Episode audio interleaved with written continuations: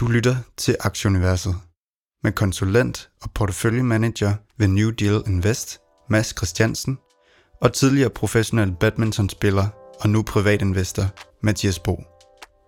Velkommen til Aktieuniverset.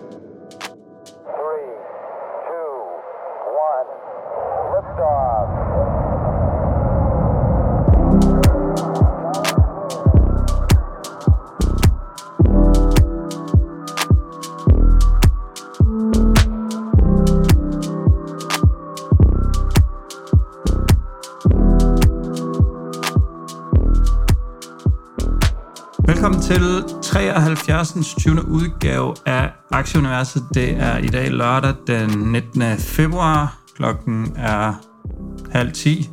Mads har sovet længe i dag, øhm, så han er ekstra frisk og springfyldte med peps.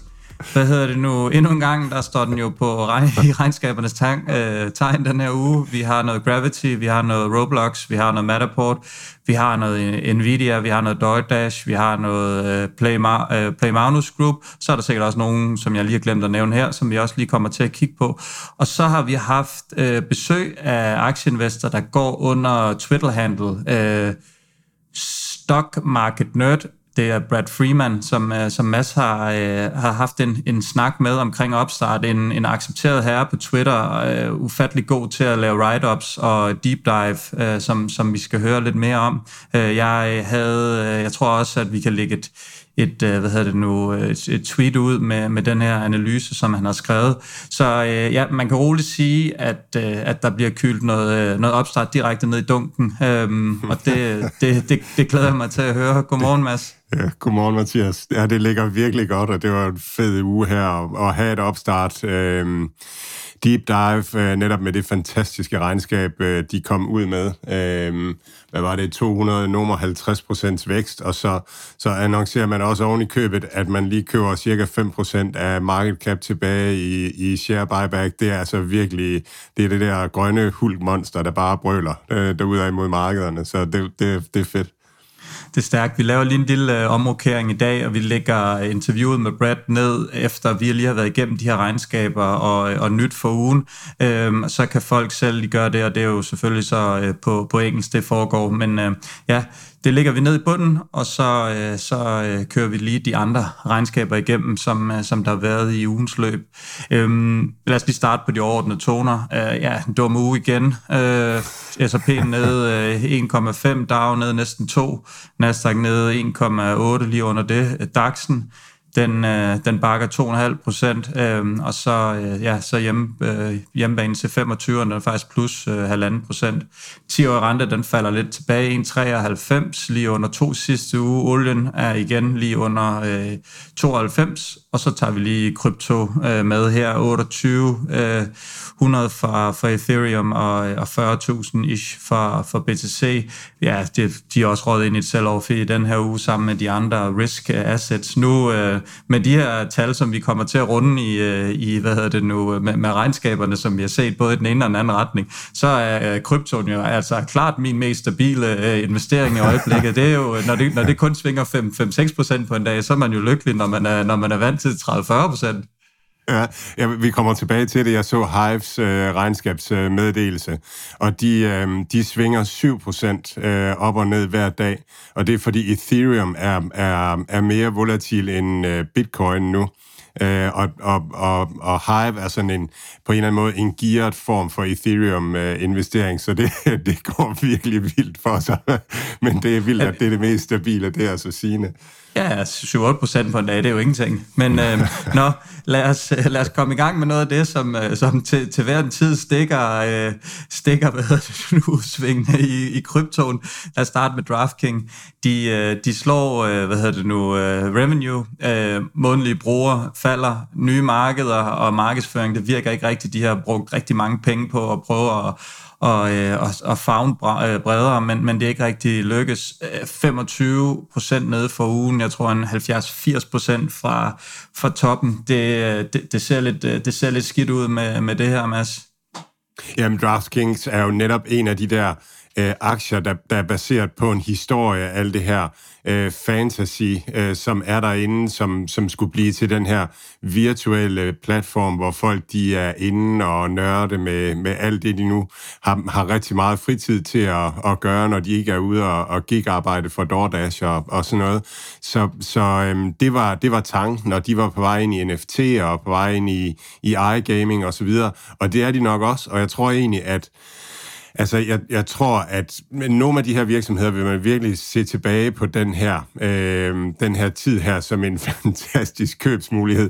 Det er bare lige at, at prikke dem ud, der virkelig får, øh, får realiseret det. Men det er virkelig en storytelling-aktie, øh, som, som er, hvor, hvor markedet øh, giver simpelthen ingenting for storytelling i øjeblikket. Det er, det er kolde regnskabstaller, man er kun villig til at se et kvartal frem. Ja, det er jo lidt den her, øh, det er investorer uden selvtillid i det her, øh, det her univers i øjeblikket. Der, der tør man ikke rigtig at, at bide til bold, og det tror jeg, sådan, sådan har jeg det i hvert fald personligt selv. Man sidder og venter på chancen, men man sidder også stadigvæk lige og holder lidt på knappen, fordi at, at det, det, det er voldsomme ting. Øhm, Roku lag, fremlagde også øh, regnskab. Det er jo den her, øh, hvad hedder det nu, platform øh, og hardware-leverandør de, de laver sådan nogle, primært sådan nogle små tv-bokse, hvor man kan se videoer on demand, øh, og de blev også hamret helt ned, øh, 31 procent for ugen. Øh, det er sådan blevet mærke til med, med Roku, som, hvor de har måske en lille, de, de har så primært deres øh, annonceindtægter, som, øh, som, som, som gør, at øh, som, som de tjener penge på. Og, og det, der er smart ved dem, det er, at når du går ind og leger en film, jamen så har de dine kreditkortoplysninger. Det vil sige, hvis du går ind og leger en på dit kort, jamen så kan de, er det meget nemmere for dem at opsamle information om, hvilke film du ser, hvilke serier du ser, hvornår du ser det, og sådan nogle ting. Så det er jo lidt det, som, som er, er Meta eller Facebooks problem i øjeblikket. Det er lidt, det er lidt de ikke lige så skarpe i, i den her information omkring det, og den, øh, jeg ved ikke, om vi lige skal vende tilbage til den, men, men det er egentlig igen de her, som, som, der, som du siger, der bliver ikke givet meget for storytelling, og der bliver ikke givet meget øh, igen baseret på de her supply chain problemer til at få, få leveren, øh, øh, leveret de her bokse, og der, der er i øjeblikket, der går lidt Netflix vej, fordi du ikke øh, skal have så meget andet end en computer eller device, så du kan se det på tv her, der, der sælger de her Roku, altså de her øh, tv-bokse. Ja, og det, og det er jo igen, de sælger reklamer, og som du siger, så har de data på, på forbrugerne på en anden måde, så man skulle tro, at, at de ligesom bliver styrket af, at, at værdien af Facebooks reklamer falder lidt, sådan at, at, at dem, der skal reklamere, de skal ud og, og, og finde noget andet. Øh, men ja, det er den samme historie over i Fubo øh, TV også. De opjusterede egentlig at komme ud med nogle rigtig gode tal, og den er også bare blevet tæsket ned øh, her øh, i øjeblikket, så ja, det, det er over hele linjen. Fubo TV, som fremlægger regnskab i næste uge også. Det vender vi lige tilbage til. Jeg tror, det er onsdag, de kommer, så det bliver spændende at se, om, om de skal have en mere på kajen, eller, eller det ligesom er regnet ind nu. Roku, er 31% ned for ugen. Jeg tror cirka 75% ned for toppen også. Det er i, i september 2021. Så det er, det er voldsomt. Øh, noget, der også er voldsomt, det er C-Limited de øh, fik deres app banned i, øh, i mit andet hjemland. Øh, prøv lige at, at sætte os ind i den her historie, Mads. Jamen, der har jo været øh, alt det her snak om, at, at Indien, øh, de de, øh, de, de øh, hvad, hvad skal man sige, de forbyder øh, kinesiske apps og, og sådan rigtig meget, hvad der har relation til Kina, og man, man giver skylden på, på politiske øh, gnidninger og sådan nogle ting. Øh, og, og nu er turen så kommet til Sea Limited, øhm, hvor at, at de har forbudt Garena Free Fire, det oprindelige spil. De har så ikke fået øh, Garena uh, Free Fire Max, uh, det nye spil, uh, forbudt, og det tror jeg bare er, er en fejl uh, ved, blandt inderne, at, at de ikke har fanget den også. Så den er stormet i vejret på, på chartsene. Og bekymringen er selvfølgelig, at, at de også uh, forbyder Shopee, Øh, og det, det ja, mit take på Indien, det er, at, at det handler lidt, det handler om, at politikerne gerne vil vil, hvad skal man sige, male deres egen kage og, og, og egentlig mest tænker, tænker på dem selv. Vi så det dengang, at, eller vi så øh, Amazon øh, kæmpe for at, og ligesom at retfærdiggøre deres tilstedeværelse i Indien ved at skulle investere en masse i indisk erhvervsliv. Og vi har set Facebook og Google investere i, øh, nej ikke Reliance, i øh, Geo Platforms, øh, simpelthen for at få adgang til det indiske marked. Og ham, ham Reliance-fyren, der har, der har bygget Geo Platforms, jeg tror, han har rimelig gode øh, forbindelser til den indiske regering. Så, så det virker som om, det er den eneste vej ind, og det virker på mig udefra set som sådan en random ting, om, om man får lov i Indien eller ej. Det virker uforudsigeligt. Så for mig har Indien aldrig været en del af, af bullcasen for Sea Limited. Jeg, jeg tror simpelthen ikke på, at, at, øhm, at, at, man, man kan, man kan, at man kan satse på det. Og der er, der er sige Limiteds måde at gå ind i Indien meget god på, fordi at man investerer ikke særlig meget, man opbygger ikke infrastruktur og alt sådan noget, man lancerer bare den her kinesisk udseende platform, Shopee, og så, og så er man i gang der, så, så man har ikke så mange udgifter sunket ind, og det, det tror jeg er den rigtige måde at gå til Indien på. Øh, men markedet har taget rigtig skidt øh, imod det her selvfølgelig. Der er mange, der har set Indien som en, en stor øh, del af bullcasen for Sea Limited det, der, det, der, det, det, det markedet frygter lige nu, det er, at Tencent øh, bliver tvunget til at sælge mere ud øh, af deres aktier på grund af den her øh, historie her. Og det, det vil virkelig være mange aktier, som markedet skal absorbere, og det vil sætte, øh, sætte aktiekursen under pres, simpelthen bare basalt set på grund af udbud og efterspørgsel. Og så, øh, og så den anden ting, det er, at det kommer samtidig med, at Garena er lidt under pres indtjeningsmæssigt. Free Fire har måske toppet øh, nu her.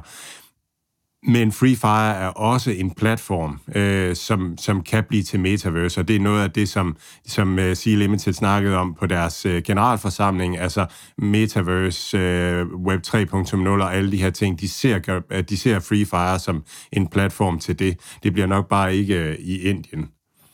De, de, altså det indiske marked, tror jeg, jeg læste et, write-up på det, det var kun sådan noget 5-6 procent i øjeblikket, er det selvfølgelig er med på, det er et stort marked, øh, men, men, men sådan, hvis man kigger helt nøgtern på tallene, så er det vel ikke noget, der skræmmer. Det kan være, at forecast bliver ændret en lille smule, men, men det virker måske som en, en lille smule øh, overreaktion, men generelt set, sådan er markederne jo bare i øjeblikket, at, øh, at man bare kaster alt i vandet, øh, når, når, man, når man ser et, et spøgelse.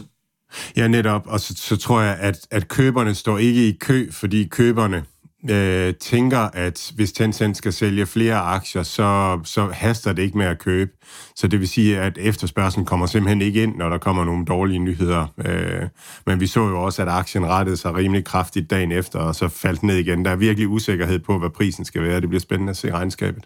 Ja, det var netop lige det. 20% nede for ugen bouncede jo netop tilbage til altså, som du snakker op om 15%, og så, så røg det hele lokummet igen. Hvad, hvad siger du til, til nuværende øh, aktiekurs? Er det køb, eller skal man bare sidde? Jeg tror, der er siddet rigtig mange derude, der, der har sige limited aktier, inklusive mig selv. Jeg tror egentlig bare, at jeg spiller den taktik, at jeg, øh, jeg, jeg, lader, jeg lader det køre. Jeg, jeg føler ikke, at jeg vil sælge ud i det her niveau, men jeg ved heller ikke, om jeg vil lægge helt vildt meget til for, øh, for at ligge. Jeg synes, jeg er eksponeret nok mod, mod, mod Sea Limited lige pt, så jeg, jeg lader den bare lige sidde i båden øh, og, og se, hvad der sker. Hvad, hvad, hvad gør du? Jamen, jeg gør det samme. Altså, jeg, jeg ved, at, at, de, at, at de sådan amerikanske porteføljeforvaltere, der er inde i Sea Limited, altså, de har den der tese om, om det med Tencent, øh, at, at, at, at aktiekursen nok kommer under pres. Så jeg tror, at de fleste markedsdeltagere er enige om, at, at at den her pris er super attraktiv på lang sigt, men at vi sagtens kan komme længere ned på kort sigt, simpelthen bare på grund af helt almindelig udbud og efterspørgsel. Øhm, en anden, øh, en anden kæphest, hvis man kan tillade at kalde det det, her i programmet, det er Gravity, som vi har kigget meget på. lidt regnskab, øh, eller var det det? Det var i hvert fald, investorerne var ikke tilfreds, plus 30 procent ned. Øh, men bouncer så faktisk i øh, tilbage, øh, hvad hedder det nu, både, både torsdag og fredag i et generelt sur, surt marked, ender nede 14 procent for, for en uge. Øh, tal til os, Mads. Jamen, altså, øhm, Olle ude på Twitter, han, han næler den egentlig meget godt, hvor han, hvor han siger, at, at hvis man hvis man tager det her rigtig dårlige kvartal, og så regner øh, EV, EBIT ud, altså enterprise value, det er market cap minus de penge, de har stående på bankbogen, og så EBIT, det er, det er bundlinjen før, øh, før renter og skat. Jamen, så handler de til en EV-EBIT på 6, baseret på det her elendige kvartal. Så det vil sige, at, at hvis der kommer nogle gode kvartaler ned ad vejen, hvis de formår at forbedre deres forretning ned ad vejen, jamen så, så er aktien fuldstændig vanvittig billig. Øhm, men det, der frustrerer markedet meget, det er jo, det er jo den her øh, øh, store cash-position, de har. Og der er masser af snak om, at, at, at Gravity burde betale udbytte, eller burde tilbagekøbe aktier, og, og sådan nogle ting for pengene. Øhm, og, og, og, øhm, og jeg har min egen teori om, hvorfor at de ikke gør det, og det, og det er egentlig sådan historisk set. Fordi Gravity havde succes med et browser, altså med browserspillet øh, Ragnarok Online øh, tilbage i 2005 og sådan nogle ting, og var, var dengang på Nasdaq til en aktiekurs på omkring 50. Og så... Øh, og så, så faldt Ragnarok Onlines popularitet, og indtjeningen faldt og sådan nogle ting. Og så handlede man til 2 dollars i, i noget, der ligner 10 år, hvor der bare ikke skete noget med aktien overhovedet. Og en af tingene, der gjorde det, det var, at de havde ikke penge til at investere. De havde ikke penge til at bygge det næste spil og sådan nogle ting. Og spil er det her med, at det kan godt være, at, man, at de første tre spil, man bygger, de ikke bliver en succes, så det er bare udgifter, men så det fjerde spil bliver en succes. Så jeg tror, at Gravity belært af historien ligesom tænker, det er sgu nok rart at... Øh, nej, undskyld, undskyld Mathias. Det er sørme rart at have lidt, lidt penge på bogen, sådan at, at hvis det første initiativ, vi laver, og det andet, vi laver, og det tredje, vi laver, det ikke lykkes, jamen så har vi stadigvæk penge til at investere i vores øh, IP. Og det er egentlig der, at jeg tænker, at IP'en er kun noget værd, hvis det er sådan, at man også kan, kan skabe noget ud fra den.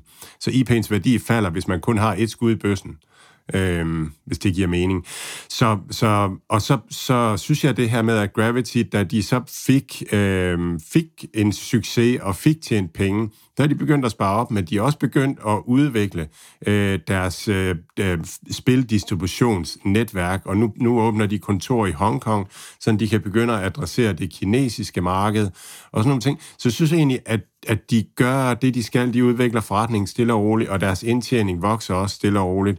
Så for mig er det, er det stadigvæk sådan en, en okay langsigtet investering, men noget af det, der presser Gravity's kurs, det er jo også bare, at der er så mange fantastiske virksomheder, som er blevet super billige alternativer, og det presser bare prisen på alting nedad. Det bliver sådan en spiral, at, at, at så er noget faldet, øh, så er noget faldet 70 procent, og så synes man egentlig, det er billigt, men hår, så var der den anden der, nu den er så faldet 85 procent, og så tænker man, om, så, så sælger jeg den, der er faldet 70 procent, og køber den, der er faldet 85 procent, og så det bliver sådan lidt en spiral, så, så, så der, der kommer ikke til at ske noget positivt, før at markedsdeltagerne får FOMO og tænker, at nu skal vi ind i markedet igen. Og der, der er et eller andet niveau, øh, for Nasdaq formentlig, måske 5-10% længere ned, hvor man er nede ved det historiske øh, øh, valuation-niveau, hvor at, at de her bæremarkeder, de plejer at vende. Det kan godt være, at vi lige skal, skal lide et par uger endnu, inden at, at det bliver godt. Men det skal nok blive bedre. Ja, i hvert fald sige, hvis øh, Putin han plaffer missiler af her en af dagene, så, så kommer vi i hvert fald ned omkring det niveau. Det kan jeg godt allerede afsløre ja, nu. Så, ja, øh, så vi, vi må se, det, det, det, er svært, det er svært at styre herfra. Man kan selvfølgelig man kan selvfølgelig bare kun lave et shout-out til ham, og så bede ham lige om at få ro på, men øh, jeg tror ikke, han, han hører den her podcast alligevel. Øhm, Roblox regnskab kommer også ud, den her platform, hvor man både kan udvikle spil øh, ja, og spille dem, sjovt nok. Det er jo en af de her metaverse-aktier, som vi, som vi snakker om sammen med, sammen med Meta og, øh, hvad hedder det nu, øh, Matterport, nu ved jeg ikke, om man kalder Meta en, en ren øh, metaverse-aktie, men, øh, men det vil de i hvert fald gerne være på sigt, men Matterport øh, er det i hvert fald. Og øh, ja, det var, det var egentlig sådan relativt sløjt over, over hele linjen. Øh, de større tab, end de har regnet med. Øh, daily active users var op øh, 33 procent. Markedet havde forventet omkring, øh, hvad hedder det nu, 50 procent, da den her slowdown i deres øh, growth rate. Øh, folk vil, vil hellere ud i skoven og, og lege øh, de lidt ældre børn, i stedet for at sidde foran, og det er jo sådan en klassisk øh, ja, øh, post-pandemic tendens, at man, at man skal lidt ud i, øh, ud, ud i det fri i stedet for. Og, og den havde det også været 25 procent øh, ned for ugen. Øh, i, I november, der toppede den i, øh, ja, i, i 140. Øh, ja, hvad ligger den i nu? 30 eller sådan noget, tror jeg. Så, så det er også, øh, det er også rigtig, øh, det er også rigtig, rigtig voldsomt øh, i øjeblikket for, for den. Og jeg kan se, at øh, ja, Kathy Woods, hende vender vi lige tilbage til, øh, hvad hedder det nu, her, her senere. Hun, hun er ude og, og købe købe op i den her aktie. Ah, 50, 50 ligger den i nu. Hun er ude og købe op i den her aktie, også inden, inden regnskabet. Øhm, så øh, så hun, hun tror på det. Øhm, der var lige lidt, lidt Facebook-nyt, Mads. Øhm, kan du ikke lige tage os igennem det? Jo, øhm, Google er ude at sige, at, at de vil også til at kigge på, på lidt eller det samme, som Apple har gjort med, med IDFA. Øh, så, så det vil sige, at de vil kigge på det her med, med, med, med privat øh, med sikring af personlige data og sådan noget, hvordan man optager ind og optager ud, sådan at, at, at Facebook eller Meta øh, risikerer at blive ramt øh, på samme måde over på Android, som, som man, er, man er ramt på, øh, på iOS. Det, det, det er vist ikke så radikalt, det Google vil, vil lave, som jeg lige læser det, og det ligger, det ligger et par år ude i fremtiden, men, men det er ikke så rart for, for Facebook der er mange, der lige har spurgt til, til Facebook og, og sådan det her med, hvad, hvad, det er, hvad det er, jeg ser, øh, hvad skal man sige, truslen er mod Facebook. Og, og en ting, det er IDFA, som ligesom bare har gjort, at man ikke kan tage så mange penge for, øh, Øh, for reklamerne mere. Det er ligesom, altså hvis, hvis, hvis Facebook solgte agurker, og før kunne de sælge dem til 4 kroner, så kan de lige pludselig kun sælge dem til 3 kroner, fordi markedet ser ikke deres værdi værende så, så stor. Men der jeg sådan ser det langsigtede øh, problem og den langsigtede trussel for Facebook, det er, at deres kerneprodukt, det er at, at have folks opmærksomhed digitalt. Og, og det får de via deres feed, deres feed har været deres kerneprodukt, og det, de har lavet. Og verden bevæger sig lige så stille væk fra feed. Verden bevæger sig over til kort, kort video og sådan nogle ting. Og der virker det som om, de ikke rigtig har fat i den lange ende i forhold til blandt andet TikTok. Og det, det er egentlig det, der mest bekymrer mig. Det er deres kerneprodukt, at det, at det ikke er så fremtidssikret mere, som, som jeg synes, det var øh, tidligere. Hvad, hvad, hvad tænker du om, om, om Facebook i det her niveau? Er det bare, står vi bare og, og sparker til, til, til en mand, der ligger ned? Altså igen, hvis, øh, hvis, hvis alle de andre aktier ikke var faldet øh, 80% eller 70% eller sådan noget, så vil jeg synes, Facebook var et vanvittigt godt køb i det her niveau. Så jeg tror, at, at Facebook er et godt køb i det her niveau. Altså, den, den handler jo til en billig penge, og de har en stor kasse, og de investerer i en masse. Det er en, en førende teknologivirksomhed. Men, men jeg, jeg, som jeg ser det lige nu, så synes jeg, at der er mange andre, som er, er mere spændende. Altså for eksempel Opstart og Matterport. Og, jamen, der er en masse virksomheder, som er på vej frem med det næste nye, og det synes jeg er mere spændende at investere i på sigt. Øhm, lad os lige tage Matterport nu, når vi, øh, når vi nævnte den. Øhm, ja. Regnskab også. Tag os lige igennem det. Ja, og, og Matterport, bare lige kort recap. Matterports forretningsmodel er jo det her med at digitalisere øh, indendørs. Så det vil sige, at man kan, man kan downloade Matterports app, og så kan man scanne sit hus derhjemme, og så, så øh, omdanner Matterport billederne til en digital model, en digital tvilling øh, af, af, af ens hus. Og så kan man gøre alt muligt med, med ens hus. Man kan tage det ind i, i, øh, i sit øh, designprogram, tegneprogram, man kan, øh, man kan øh, møblere huset. Øh, man arbejder også med at, at sådan lave en historisk øh, dataportal omkring ens hus, så når elektrikeren har været ude, så kan man lige smide ind, hvad for nogle ledninger hvilke ledninger det er, man har, har sat, sat ind, og sådan nogle ting, sådan at, at Matterport har styr på, på, på indendørs, på bygninger og sådan nogle ting. Det er deres forretningsmodel, og det, det udlejer de så eller, til øh, ejendomsmalere, til ejendomsadministratorer, til, øh, til, til store kæder, der vil holde styr på, hvad har man stående hvor og sådan nogle ting.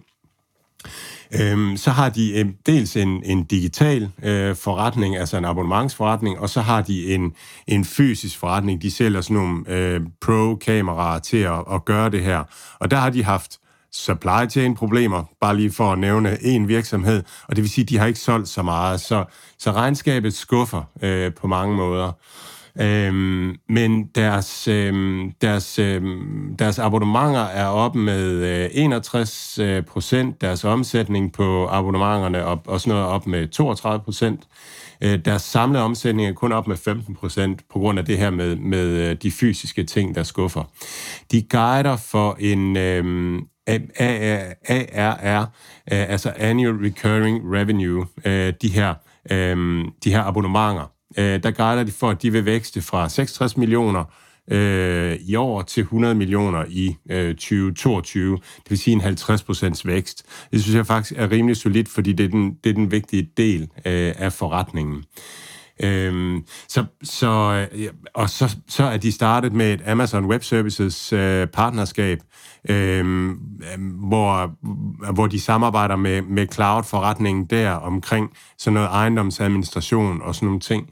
Øh, man forsker sammen med Meta-platforms, altså Facebook, øh, omkring det her med digitale tvillinger og, og sådan nogle ting. Der sker en masse ting, og, og det er lidt den samme historie som øh, opstart, at man er den her AI-virksomhed, der formår at omdanne øh, og simulere øh, noget, bruge AI, og, og, og bare man har løst noget teknologisk som den første, og man får et dataforspring, som bliver rigtig svært at, at håndtere for de andre.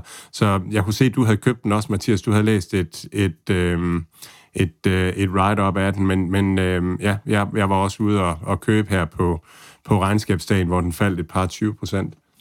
Øh, ja, lige præcis. Jeg har linket til det inde på min Twitter-profil. Der kan man gå ind og læse det her øh, øh, write-up, som, som du lige nævnte omkring det, hvor det lige bliver forklaret hele vejen. Jeg hæfter mig ved, der også er blevet, de lavet, øh, hvad hedder det nu, øh, samarbejde med en større engelsk øh, malerkæde også omkring det her. Og, og jeg kan sige, nu har jeg set det nogle gange hernede i Dubai, når jeg sidder og scouter boligmarkedet. Det er altså super smart. Altså i forhold til andre plantegninger og billeder, og det der med, at man kommer ned op fra, ser rummet op fra visuelt, og man bliver taget igennem og sådan noget. Det er et helt nyt, et helt nyt aspekt, og det, det, jeg vil nærmest sige, at det er en af de der ting der, det kan godt være, at der kommer nogle konkurrenter, men der er ingen tvivl om, at det her det er 100% modellen om fem år, når man skal købe hus, og man, man bliver taget hele vejen igennem, at det er meget, meget nemmere at tegne ind, fordi jeg tror, når målene bliver præcise, kan du også aflevere det, når du skal have lavet nyt køkken og alt muligt, at, at det hele allerede er øh, hvad hedder det nu, indregnet i det, og du får et tusind gange bedre view over, over den ejendom, som du kigger på på den her måde. Så øh, jeg, jeg synes, det, det, det var smart. Det var jeg ret imponeret over ved at sige det her. Øh, kursen, skal man længere ned? Ja, det, det skal vi, hvis vi skal i krig, øh, eller, eller at der er supply chain problemer, eller at der er en kunde, der hopper fra, eller et eller andet. Øh, men, men det virker ret realistisk, at, at det er i hvert fald noget af det, man bruger på, på, på 5-10 års sigt, og måske også inden for de næste par år allerede ved at faktisk skyde, fordi jeg synes, det er smart. Så øh, spændende aktie, øh, må man sige. Øh, 13% ned for ugen, kurs 33 amerikanske dollars den 29. november. Nu handles den i lige under 7. Det er også, det er også et voldsomt setback, den har taget. Helt vildt, ja. Ja. Nå, vi, øh, vi hopper over til, øh, til Hive, kanadiske Hive, som, øh, som primært gør sig i at, at mine noget, øh, noget Ethereum og også noget Bitcoin. Hvad, øh, hvad var det for noget, Mads? Jamen nu, nu, skal, nu skal I bare lige nu skal jeg lige, øh, lige resette øh, hjernen her, fordi nu er, det, nu er det nogle helt andre tal, som, som jeg kommer til at nævne. Øh, deres omsætning er oppe med 30 procent, men det er kvartal over kvartal, fordi deres omsætning øh, på årsbasis er op med 397 procent. Og Hive er altså en bitcoin miner, og det er den, den, den eneste noterede bitcoin miner, der også miner rigtig meget Ethereum, og det er jo det, jeg talte om i starten, at det, det er grunden til, at de er så volatile. Øh, men det er en, en god eksponering, synes jeg, i forhold til bitcoin og, og Ethereum. Øh, Ja, de, øh, deres PE, hvis man regner den ud, så er den sådan et eller andet sted omkring 3-4 øh, på, baseret på indeværende kvartal, og så vokser de altså 400 procent. Så det, det, det siger noget om markedets opfattelse af, hvor stor øh, risikoen er øh, inden, inden, for, inden for det her space her. Men hvis det er sådan, at det, det er ligesom med guldminer, at, øh, at når man køber guld, så bevæger det sig et eller andet. Hvis man køber øh, guldminen, så bevæger det sig endnu mere, fordi at, at omkostningerne er nogenlunde stabile, så hvis prisen bevæger sig op, så, øh, så, så bevæger man sig øh, virkelig, virkelig øh, meget øh, i, i mine aktien. Øh, Ja, så er Hive øh, langt fremme med, med energi, altså med og ren energi. De opererer i, i Sverige, på Island og, og i Kanada, udbygger deres øh, produktionskapacitet.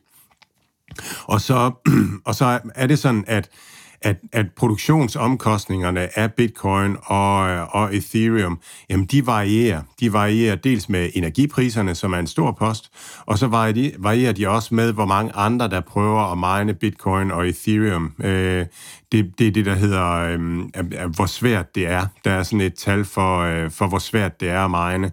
Og det, hvis, det, hvis der er mange, der begynder at mine derude, øh, hvis den totale hash rate, kalder man det, af, af bitcoin, øh, den, den stiger, jamen så, så bliver der mindre til, til Hive, øh, fordi de udgør en mindre del af den samlede hash rate. Øh, og det er det, man kalder difficulty. Og det, det ændrer sig, øh, og difficulty ændrer sig baseret på øh, på den totale hash rate, sådan at, at tiden for, hvor lang tid det tager at mine øh, bitcoin, at den bliver konstant øh, over tid.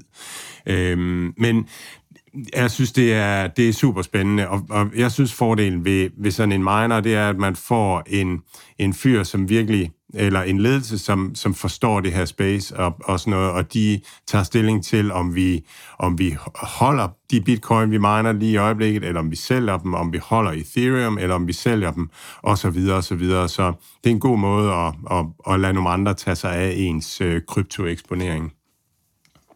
Yes. Um, Nvidia, chipproducenten her, har også fremlagt regnskabet. Det er et regnskab, der slog øh, forventningerne. Forecast er stadigvæk de her supply chain problemer, som alle de andre også gør, og det gør også, at kursen ikke, øh, ikke stiger mere på den. Jeg tror, vi er nede øh, 20% for i år øh, og nede øh, ja, 1,30 for, for ugen, så de har, de har egentlig klaret sig igennem en, en svær uge sådan på nogenlunde niveau.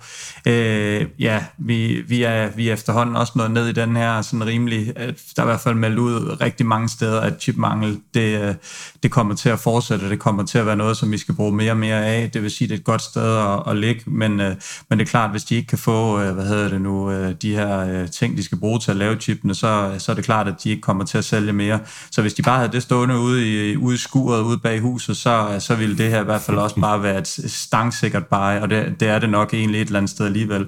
Det er så bare øh, ja, tilbagevendende problem om, om det er den her udsalgsvare, man skal købe, eller, eller noget af det mindre, som, som vokser op af en Nvidia i de her 200 40-50 stykker, tror jeg, den ligger i 200, er 200 lige under 240, er, er også et, et, et godt bud, når vi, når vi, hvad hedder det nu, ja, altså har så stor chipmangel øh, de næste par år, som, øh, som, som der er udsigter til i hvert fald. Ja, enig generelt. Altså man skal lige huske, at det er, det er et cyklisk marked, så, så lige pludselig så kommer der en dag, hvor Nvidia har fået købt for meget produktionskapacitet ind, og, og markedet lige pludselig er mættet med, med chips. det, det er lidt svært at se lige, lige i dag, at det sker sådan inden for, for de næste måneder i hvert fald. Men, øh, men man risikerer altså, at den dag kommer, og så kommer de ud med, med et kvartal, som er virkelig dårligt. Øh, ja. Øhm, en af de positive nyheder for ugen, det var Airbnb. De leverer et, et flot resultat, og det, der primært trækker det, det er, at øh, folk de booker længere stay, så de er virkelig kommet ud af den her coronakrise stær, øh, corona stærk, forstærket. Øhm, og det, det er positivt. Deres øh, revenue er op 77% year over year. Øh, aktien handler, handler en lille smule, øh, hvad hedder det nu, oppe 5% for ugen, øh, og året har egentlig også ja, 5%, så det, det er egentlig faktisk en, en stærk, øh, hvad hedder det nu, en, en stærk aktie PT, som ikke rigtig er, er fået for, på, på et årskraften er den ned 11%, men det er jo ingenting i forhold til det her space, som, som vi taler om, så, øh, så det virker så også som om, at, at det, er, det, er, det, er, det er ret stabilt sted at være, hvis man kan tale om det i, i disse dage. Ja, det der hele tiden er det svære, det er, hvad, hvad betyder coronaepidemien for den her, ikke også? Fordi det her, det er jo i virkeligheden en, en opening up aktie at, at vi, vi, vi kan rent faktisk få lov at stige på en flyvemaskine, uden at skulle sidde og blive kvalt i et mundbind i, i 8 timer, eller sådan et eller andet, så folks rejseløst er, er måske sten, ikke? Hvor at, at sidste år, der var alle bare hjemme, så, så, så, så 77 procent. Det, det er svært at modellere lige, hvordan, hvordan corona har influeret på det. Jeg har ikke, jeg har ikke øh, hørt deres, deres øgningskål. Øhm, DoorDash, Mads, ja, den øh, skal vi lige kigge på. Ja, den har også fået nogle, øh, nogle store klø. Øhm, jeg hørte deres øh, earnings call, og jeg synes egentlig, det var super spændende. Det minder faktisk meget om, øh, om øh, Delivery Hero. Øh, de vækster cirka 35 procent både revenue, order og øh, øh, øh, gross order volume, altså den her totale omsætning på, på platformen, cirka 35 procent på det hele. De snakkede rigtig meget om nye vertikaler, altså at, at de sælger andre ting, Øhm, det er 14 procent af, af alle dem, der bestiller pizzaer på DoorDash. De køber andre ting. De køber toiletpapir eller dyrefoder eller, eller et eller andet også på DoorDash nu. Og DoorDash laver det her markedsplads. De snakker om det her lokale, øh, lokale markedsplads, de gerne vil lave, hvor at, at de her dasher, de kører rundt og, og samler varer sammen til folk, der har bestilt varer og, og kører dem ud til dem. Så synes jeg, der var nogle sjove stats øh, med.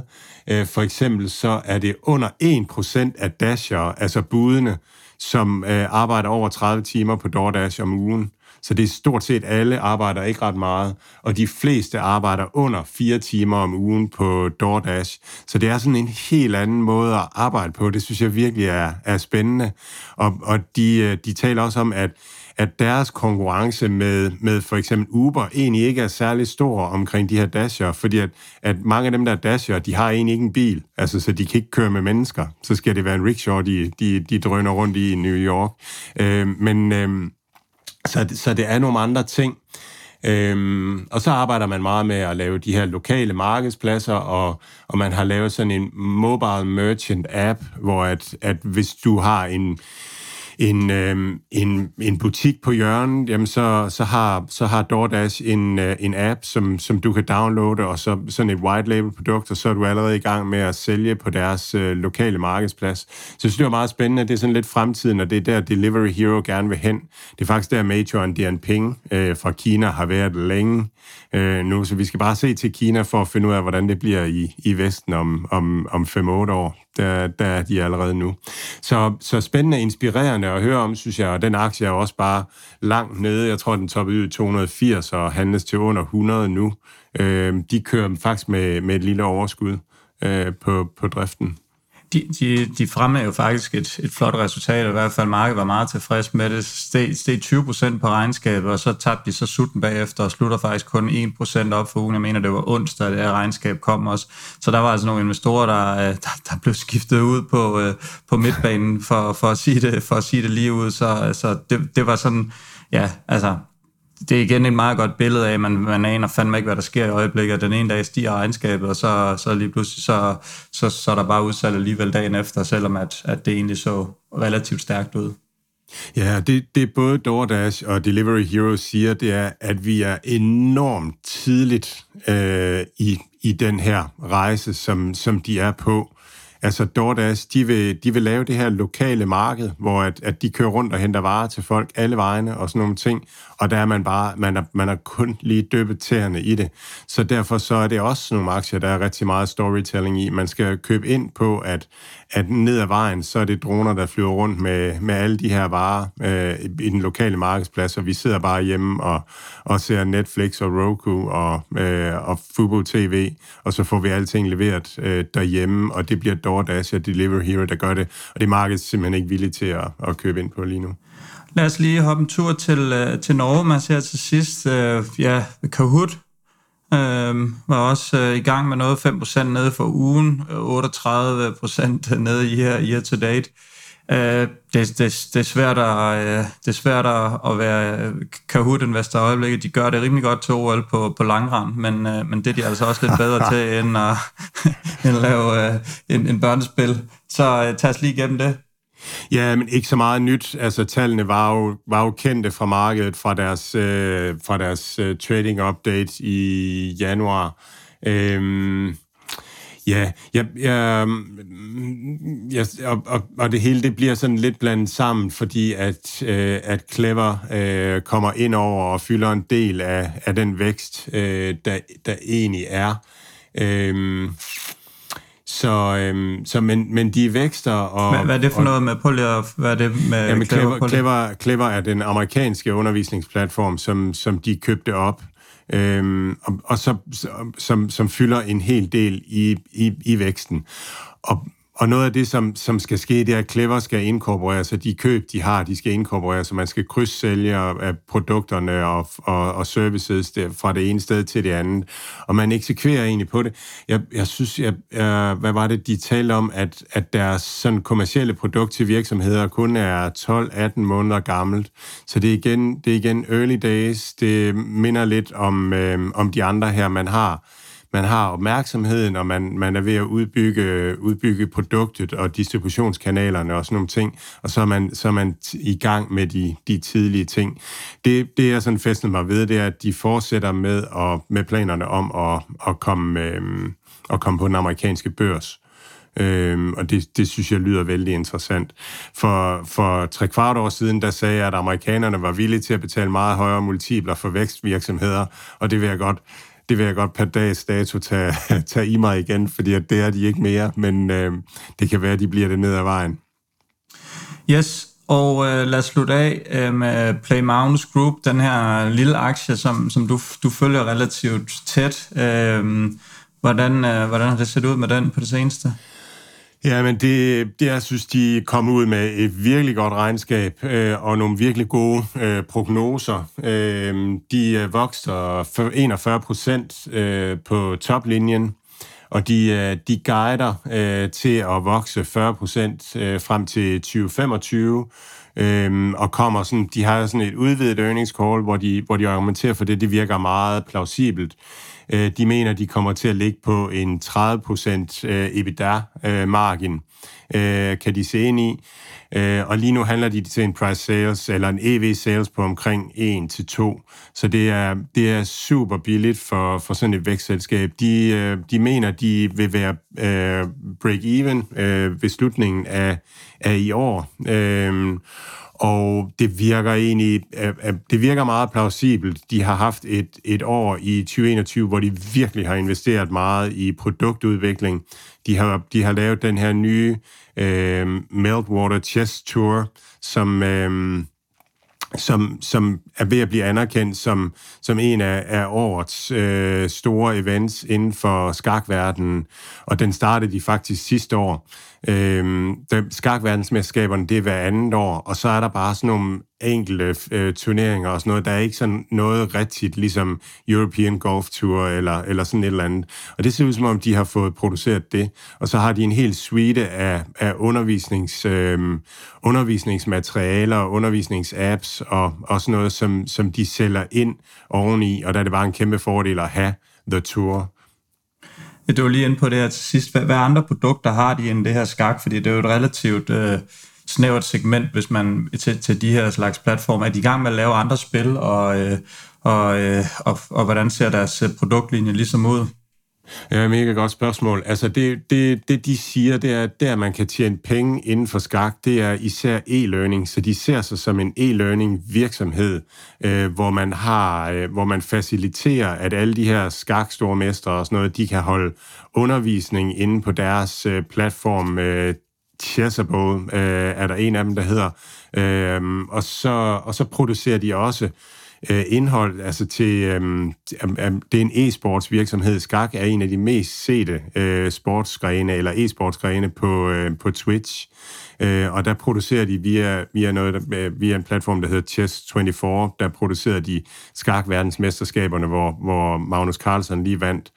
Øh, så så, øh, så de, og det er det, de, det er det, de gør rigtig godt, synes jeg, at de er meget aggressive med at få bygget alle de her andre produkter på øh, deres samlede platform, hvor konkurrenten chess.com, som er den store inden for det her, ikke er særlig aggressiv. Der fokuserer man faktisk på at have, have overskud og, øhm, og udbetale den er privat ejet, så, så det er sådan et andet fokus. Så jeg tror, at igen, så er det meget tidligt i et kæmpe stort øh, marked.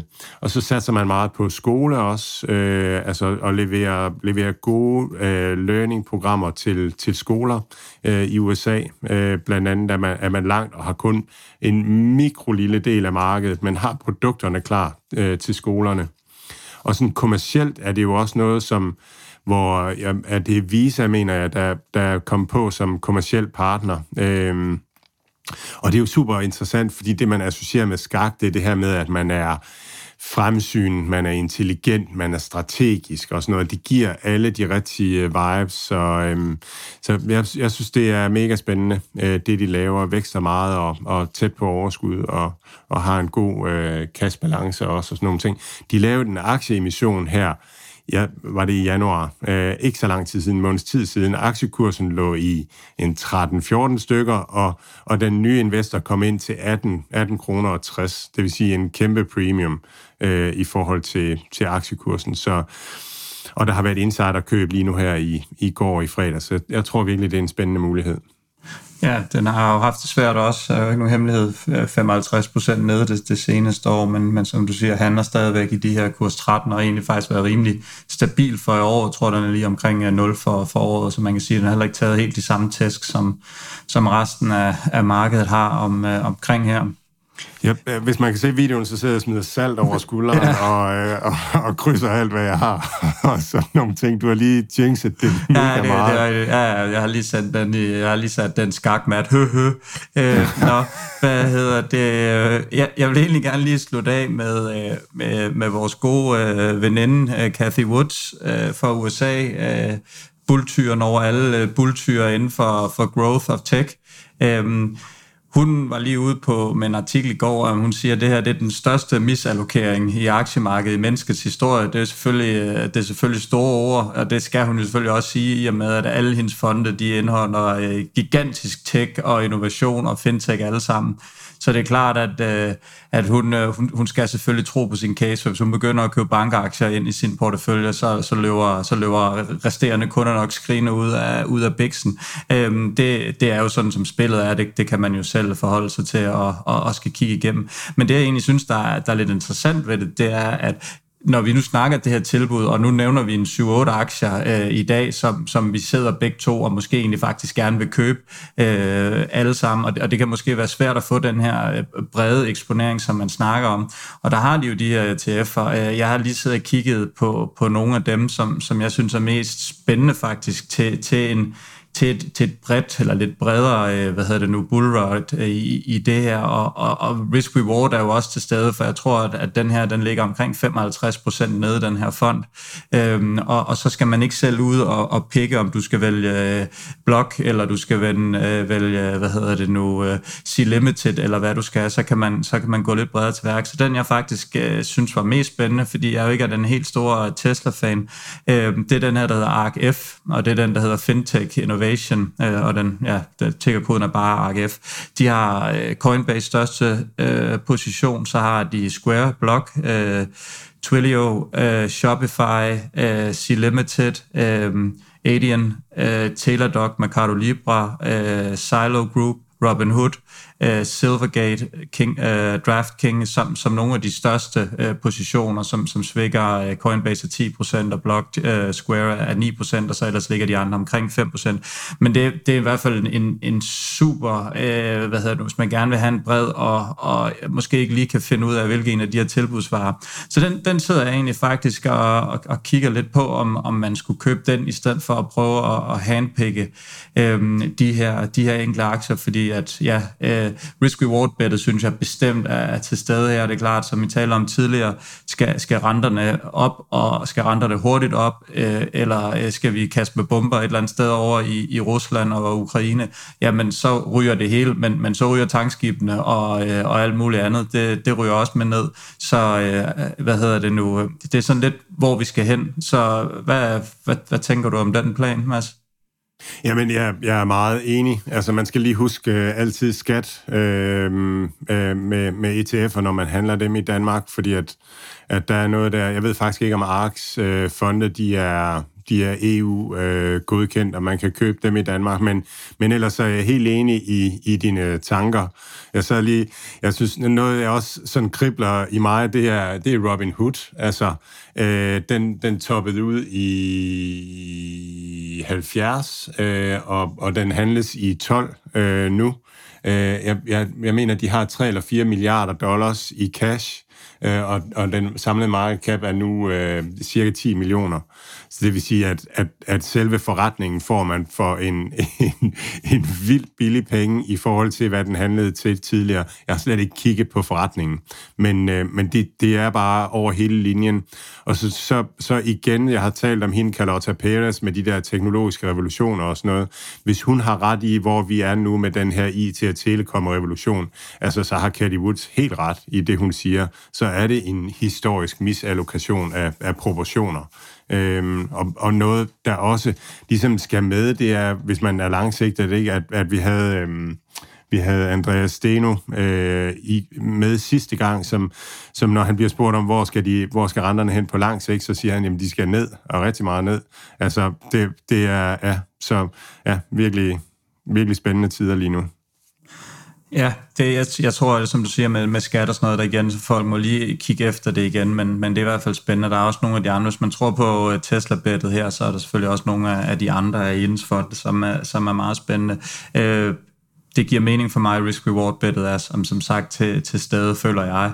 Øh, men øh, ja, det bliver, det, bliver, det bliver spændende at, at følge. Øh, Mads, inden vi lige ryger helt over til, øh, til Brad Freeman, så nævner vi lige lidt øh, fra næste uge. Vi har Teladoc, der kommer den øh, 22. Det er tirsdag, og så har vi torsdag, der har vi øh, Square Block, øh, Coinbase, Etsy og Alibaba som, øh, som kommer af dem, jeg ser, ser mest frem til. Så vi tager lige et, øh, et stretch med regnskaber med øh, sådan øh, igen i næste uge, og så tror jeg, vi kan se frem til C Limited om, om to uger, hvilket jo er en, øh, den negl, det er en neglebider. Det er en main event i sig selv. Det, der, er, der, det, det er aftalt lidt regnskaber, men det er også ligegyldigt, når det er øh, Mike Tyson mod Lennox Lewis, som, som skal bokse der den øh, ugen efter, så, øh, så det, det glæder vi os selvfølgelig til at, til at følge med i. Øhm, Ellers så, øh, så tror jeg kun, der er... Jamen, både, altså både regnskabet, men også markedets reaktion, ikke? Altså, fordi hvis, hvis Garinas indtjening er, er lidt faldende, øh, om man så har valgt at fastholde det samme cash burn over i Shopee, altså, så kan, så kan dommedagsprofeterne virkelig komme, komme frem og få fortalt deres historie. Men det kan også være, at Sea Limited ligesom har valgt at sige, okay, nu, nu, øh, nu retter vi øhm, Shopee's cash burn ind øh, efter efter at det vi tjener over i Garena og sådan nogle ting, og så kan markedet altså virkelig også blive, altså så kan det blive svært at fortælle den der negative historie, i hvert fald troværdigt. God weekend, Mads. Nu kommer Brad Freeman på med øh, et deep dive i direkte øh, ned i øh, Solar Plexus på opstart, så øh, ja, lyt med derude.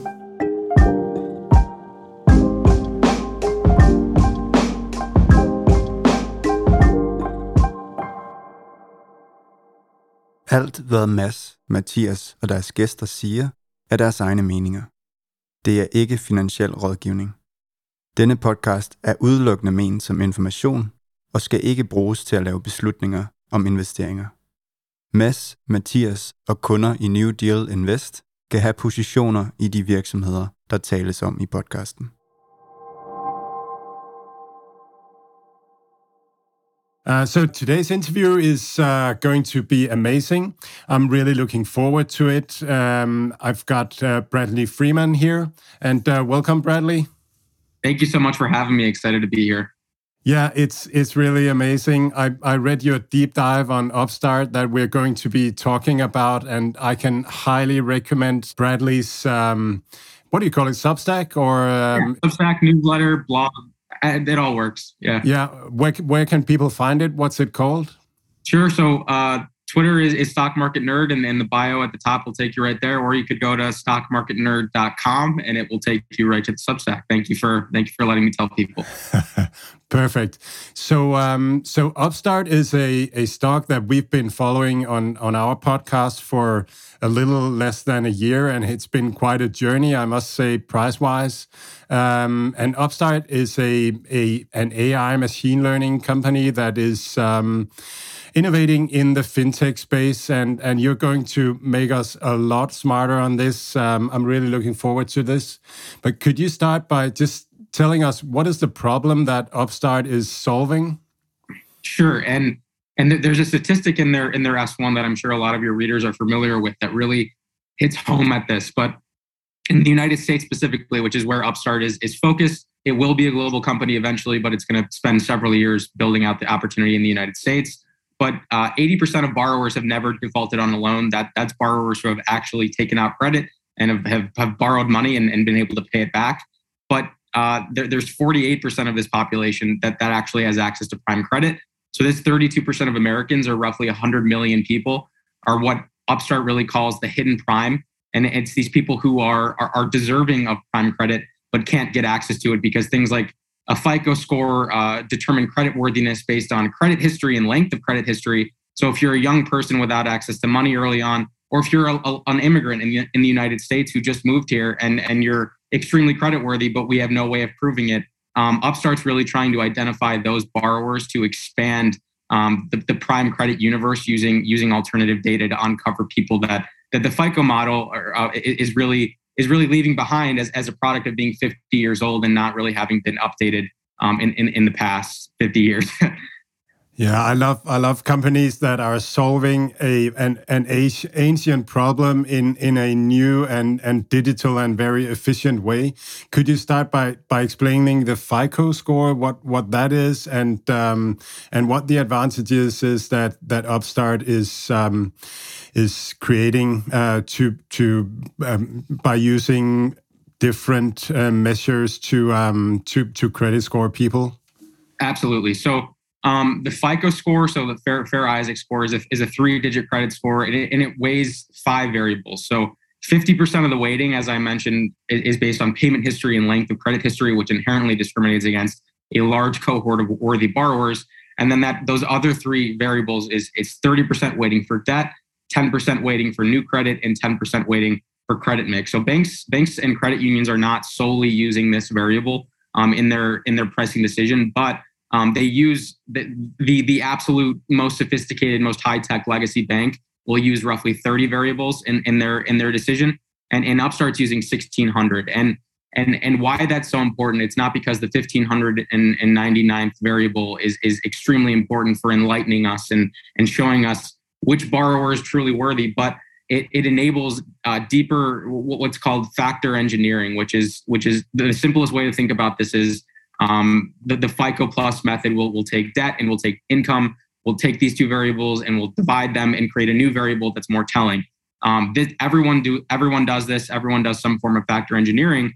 But but what but what we get when when including things like bank transaction history and, and education history and and um, macroeconomic factors is, is, we we have more opportunity to create to create more columns on the spreadsheet, and that that's the best way to think about it because AI is really just a massive, massive, massive Excel spreadsheet that that's automated. But what, what this is doing is it, it's it's unlocking these new factor engineering columns so that Upstart can can create a more predictive model because they're they're incorporating more pieces of information on on what actually uncovers the true worthiness of a borrower that FICO hasn't really not not even considered yet, but not even understood that they should be considering yet. Um, so so that that's it, that that's really where Upstart is uplifting the credit decision, and and it's not just the underwriting mod, model um, that that they're that they're really allowing banks and credit unions to to benefit from, but but it's the verification and, and, and the fraud model because with this wonderful digital evolution that that that Upstart is trying to foster, that lowers input costs and, and allows banks and credit unions to get more um, aggressive with marketing and and market share taking. It inherently leads to rising levels of fraud, and it, it inherently leads with that to rising levels of losses. So Upstart really needed to create a, a better underwriting model and then and then meet, meet that or merge that with with an ability to verify borrowers in real time again using all this alternative data. So yeah, so so you so you're saying that that uh, Upstart is uh, is able to identify um, credit-worthy lenders that would otherwise be rejected uh, via the FICO uh, framework uh, because a lot of um, a lot of the the cre- what do you call it credibility? no, um, credibility work works works fine too. Yeah, uh, that would be that would come from your uh, your, your, history of uh, of paying back uh, loans. So, what what are the um, what are the benefits here for for the lenders and for the banks uh, by by Upstart being able to identify uh, prime lenders in the in this other way?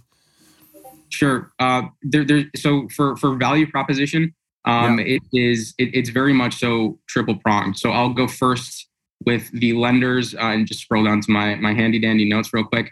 But the, so for the partner value proposition, um, what Upstart is really doing is is creating um, more loan or larger volume, so larger loan book without exposing them to larger default rates and larger loss rates that that make that new volume less attractive. So really, so so we I, I can say that Upstart has uses 1600 variables and they're amazing and and and their AI is great, but AI is is a very is a very abstract concept to a lot of us, including me. I, am not an AI expert, so I love data and, and I love results, and and that that's why I like Upstart so much because w- with Upstart they they are are obsessed with with turning these really abstract promises into concrete data to convince banks and credit unions, which are highly regulated, that yeah, we're not just another Silicon Valley company telling you we're, we're better than you, but we have data that we don't have. So we don't have to tell you we're better, but I'll, I'll stop talking about that and actually talk about the data. So specifically with Upstart's risk underwriting uh, model, what, what it allows is, is bank and credit unions to juice their approvals by 2.7x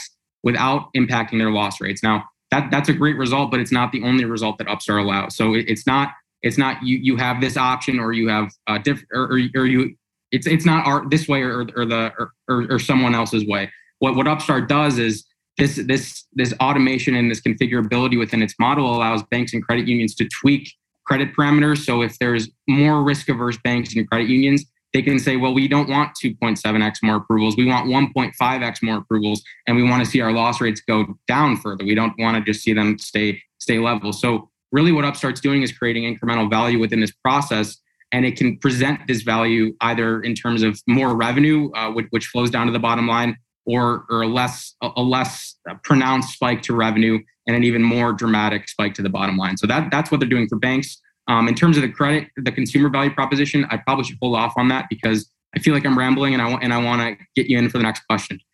Yeah, no, it's it's fine. I think um, so. So for the banks, they get the ability to either to increase the amount of loans that they're giving, or they get a, a better uh, assessment of the risk, so they can lend out money to to some more people uh, and and uh, and that's really increasing their sort of their TAM for their lending business. And and what about the uh, the the um, the people that needs a loan? What what are the advantages for them or the value prop? Sure.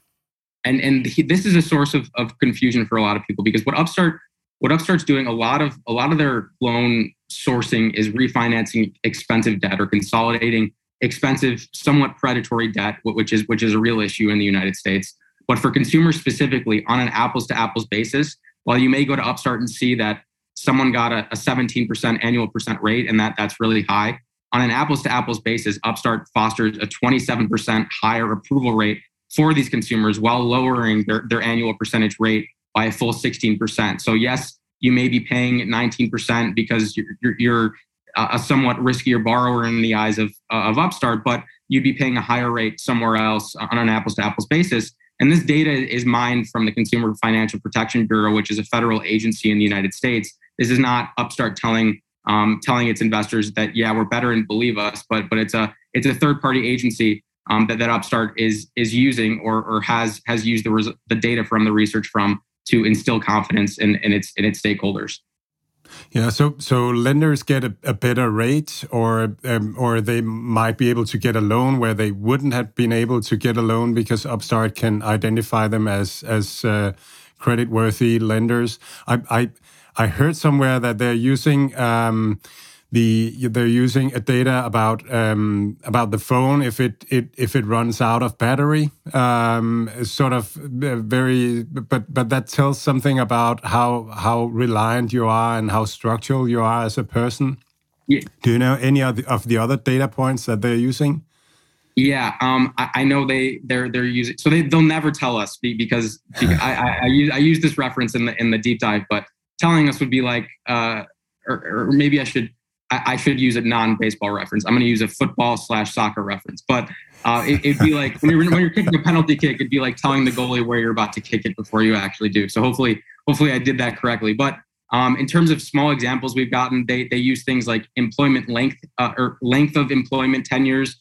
They use things like uh, college majors. um, and, just just these really weird random variables like like your iPhone dying that you'd think have absolutely no impact on on credit worthiness and underwriting worthiness. But when when you do this factor engineering and combine it with a credit score or combine it with with something else that's more telling, it can really augment and uplift um, and create a more granular and true assessment of risk. So why don't the big banks do this? Why why is it it hard for them? Um, we think a lot about sort of uh, competitive advantages and moats, and and everybody's always afraid that the the big incumbents they just um, they're just going to to use their deep pockets and and solve this problem. I think it's very overrated in in um, a, a, an overrated concern. But why don't the big banks do do this themselves? Why do why why is Upstart having an advantage? Yeah, great question. Um, and I think we should separate every single other uh, FDIC insured lender and bank and credit union from JP Morgan and Bank of America and Wells Fargo and maybe throw in like Morgan Stanley and Goldman Sachs in there as well. Um, because those those half dozen or so banks probably will try to build this internally. But but I just want to give a quote from one of Upstart's partners that really I think highlights um, highlights why why Upstart's value is is is somewhat sticky. So the quote is, "We don't have a lot of ability to grow new products and services ourselves. We don't have a deep technology bench or well-defined communications and lead generation strategies. We need Upstart's turnkey credit opportunity rather than building any of this ourselves. As a matter of time and under budget, the startup costs were extremely low. So that's that's First Federal Bank's chief sales officer, uh, Barry Cooper.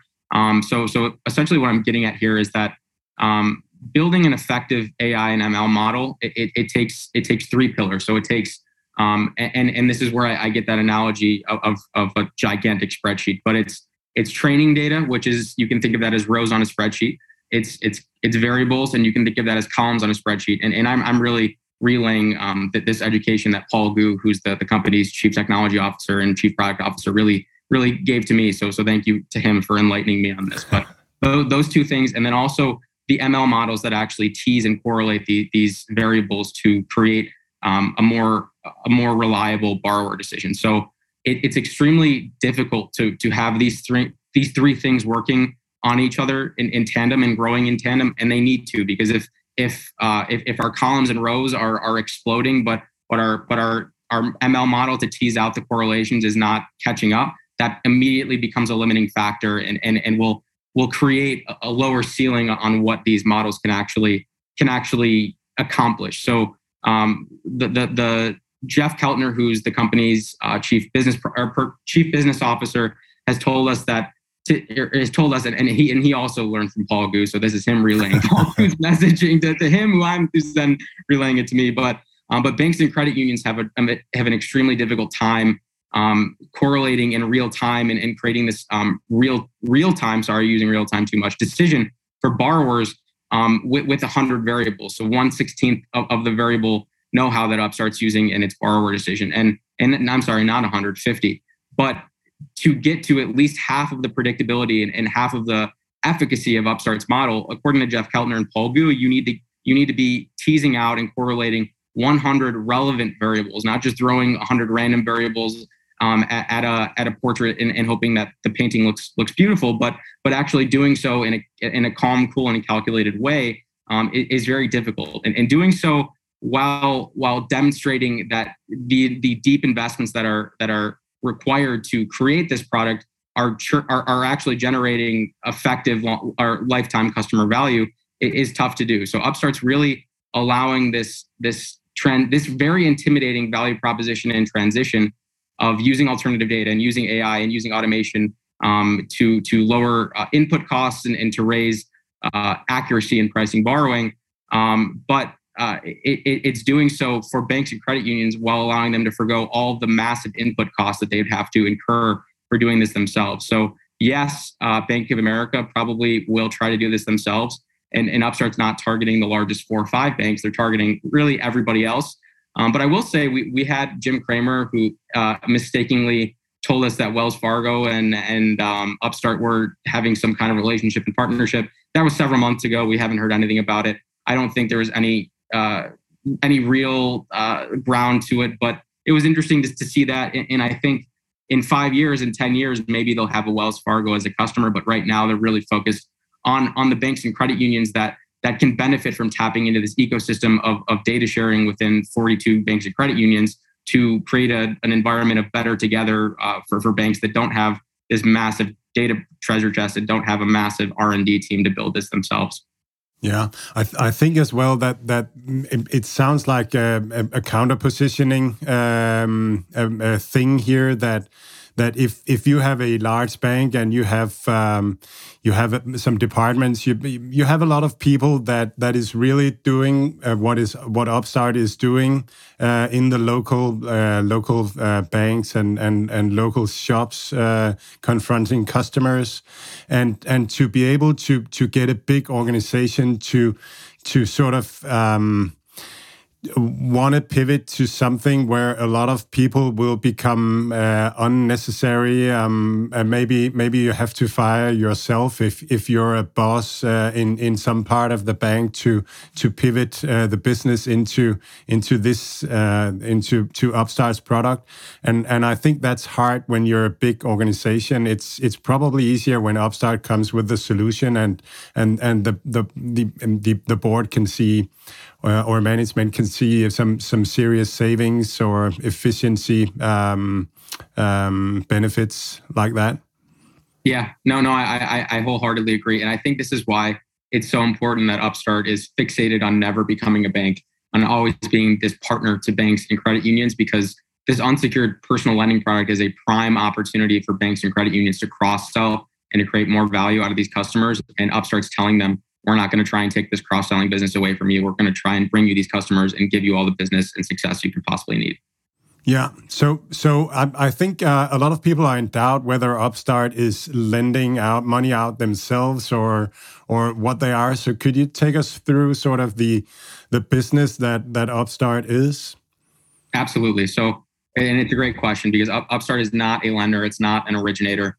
Um, and by choosing to uh, yeah, it's not a lender, it's not an originator. I'll, I'll leave it there for now. But um, I'll first go with where the loans where the loans go, and, and, then I'll go with why funding source matters, and and I'll I'll break um, in the middle to, to, see if you have any comments, so that I'm not blabbering for too long. But uh, where or, or, so how how these loans um, are actually funded. So it's and it's an interesting concept because about a quarter of these loans. So so Upstart up, Upstart the, the the offers that are that are actually offered on Upstart.com or through these bank partners are are bank and credit union offers. They're not they're not what Upstart is is deciding and pricing itself. Um, they're they're uh, simply a conduit, uh, bringing these offers to a larger cohort of borrowers and uncovering who these truly worthy borrowers are. So, um, what they're doing is for for a large portion of these loans, they have two conduit partners, so two origination partners, um, which is Cross River Bank and FinWise Bank. So, what will happen is these loans will be originated, which essentially just means funded um, by Cross River Bank and FinWise Bank, and then they are immediately resold to, to an Upstart Trust, which is funded uh, by, by, credit facilities, which is really just uh, yeah. I, I, think credit facility is is a pretty ubiquitous term, so I'll, I'll move on there. Um, it's but, a it's a packaging facility um, for loans before they are they are um, they are moved moved away. Yeah, it's it's it's it's essentially just just a debt instrument to ensure liquidity, so that Upstart can um, make Cross River Bank and FinWise Bank confident that they'll be able to buy back the loans. Um, but but it's but very similar to what you just said. So uh, after these loans are are purchased by Upstart, um, Goldman Sachs and Jefferies are the two primary sponsors that will uh, create what's called a, a pass through. Or, or, I'm sorry, will create. Uh, I, I'm getting ahead of myself. So first, Upstart will sell we'll package all these loans, as you were saying, and sell large loan pools to a Jefferies or to a Goldman Sachs via what's called a, a, whole loan pool. So what Jefferies and Goldman Sachs will do with these whole loan pools is they'll securitize them or tranche them into different risk classes, into different buckets um, that, that will cater to different uh, preferences and investors, and they will resell these to their investors uh, to, to hold and, and to, to, to profit from. So the, the important thing is uh, to, to note from all of this and why this matters is these these final eventual holders in, in the upstart loans must profit in order for this this capital market demand train to churn. They can't they can't be losing from this transaction. Otherwise, Goldman Sachs and Jefferies are going to say, "Hey, keep these loans yourself. We aren't taking them because they're not good for our, our investing community." So, what this means is that Upstart has to provide effective cash flows to Cross River Bank and FinWise Bank. It has to provide them to Jefferies and Goldman Sachs. It has to provide them to the future um, investors in securitizations. And, and, that's a lot harder than providing effective cash flows for the other 25% of Upstart's loans, which are actually being retained by these banks and credit unions, where, okay, now they need to profit and Upstart needs to profit. And that's a lot easier to make happen on a consistent basis um, when, when, when there's not all these third parties that, that need a piece of the pie and need to take. Yep, go ahead. Yeah. So on the one hand, um, the, the, ones with Jefferies and Goldman's um, Goldman Sachs, uh, they go via via Finwise Bank and Cross River Bank, and they that's the capital markets, and that's the major part, and the other is um, is just in the normal banks, um, and and and and you were alluding to that that what what is the difference there? Um, Absolutely. Um, so so so yeah. Uh, why why so where these loans go and, and why that matters. So um so in in this in this period of of stimulus checks and eviction moratoriums and people don't have to pay their rent because of the pandemic um, two things have happened. Uh, defaults have, have, have fallen for loans and institutions have become absolutely flushed uh, flushed with deposits. So um, that has has has led them to really desperately needing places to put these deposits to work which has which has propped up Upstart's unsecured personal loan market um, and an accelerated demand there. So um, one one benefit of of of uh, of banks and, and, credit unions retaining a larger chunk of the loans is, is, that the demand is is theoretically more consistent and more smooth. Now, also, um, banks and credit unions have access to the lowest cost of capital in, in the entire industry, and, and what that means is Upstart can can offer. And so so what that means is a portion of these costs are passed on to Upstart's uh, borrowers or Upstart's uh, consumers on Upstart.com, uh, which which lowers APRs, annual percent rates, which juices volumes and conversion rates, um, and, and, which which raises success levels and profit levels for for all parties involved. So it really churns a a, ne- a compelling network effect um, that that can really benefit Upstart's business if it can manufacture this transition from capital markets to banks and credit unions retaining not to mention the fact that, again, there are a lot of third parties with their hands out needing a piece of the profits in this capital market process, which, which are harder to uh, which are harder to appease than, than just allowing Apple Bank or Citizens Bank or one of these other partners um, effective enough profits to continue uh, to continue originating these loans. Yeah, and I think I read in your deep dive that for getting prime uh, lenders, um, then the cost of capital becomes um, more important, and, and they really need the banks to sort of uh, compete uh, towards lending in in that segment. Could you could you say something about how is this this going? And there's been some discussion about concentration risk with uh, just Finwise and, and Cross River banks. Is how do you see that about concentration risk, and, and how do you see the pivot to to um, to to to banks uh, uh having a bigger piece of Upstart's uh, pie? Sure. Uh, so Upstart has told us that they are focused or, or they've gained more confidence in their ML models and their underwriting abilities so that they are now focused on moving further up the credit spectrum to be able to provide value to higher worthy borrowers. That that that we're very early days there. It hasn't really come to fruition yet, so not not much to report there. Um, and then in, in terms of, of concentration risk um, and, and how that's going, uh, so Cross River Bank and Finwise Bank, they're they're they're really just originating conduits. So they're they're not super unique in, in the value that they're providing to Upstart, and there are a lot of substitutes. But there's another source of concentration risk that is I think quite pressing, um, and that's that's Credit Karma.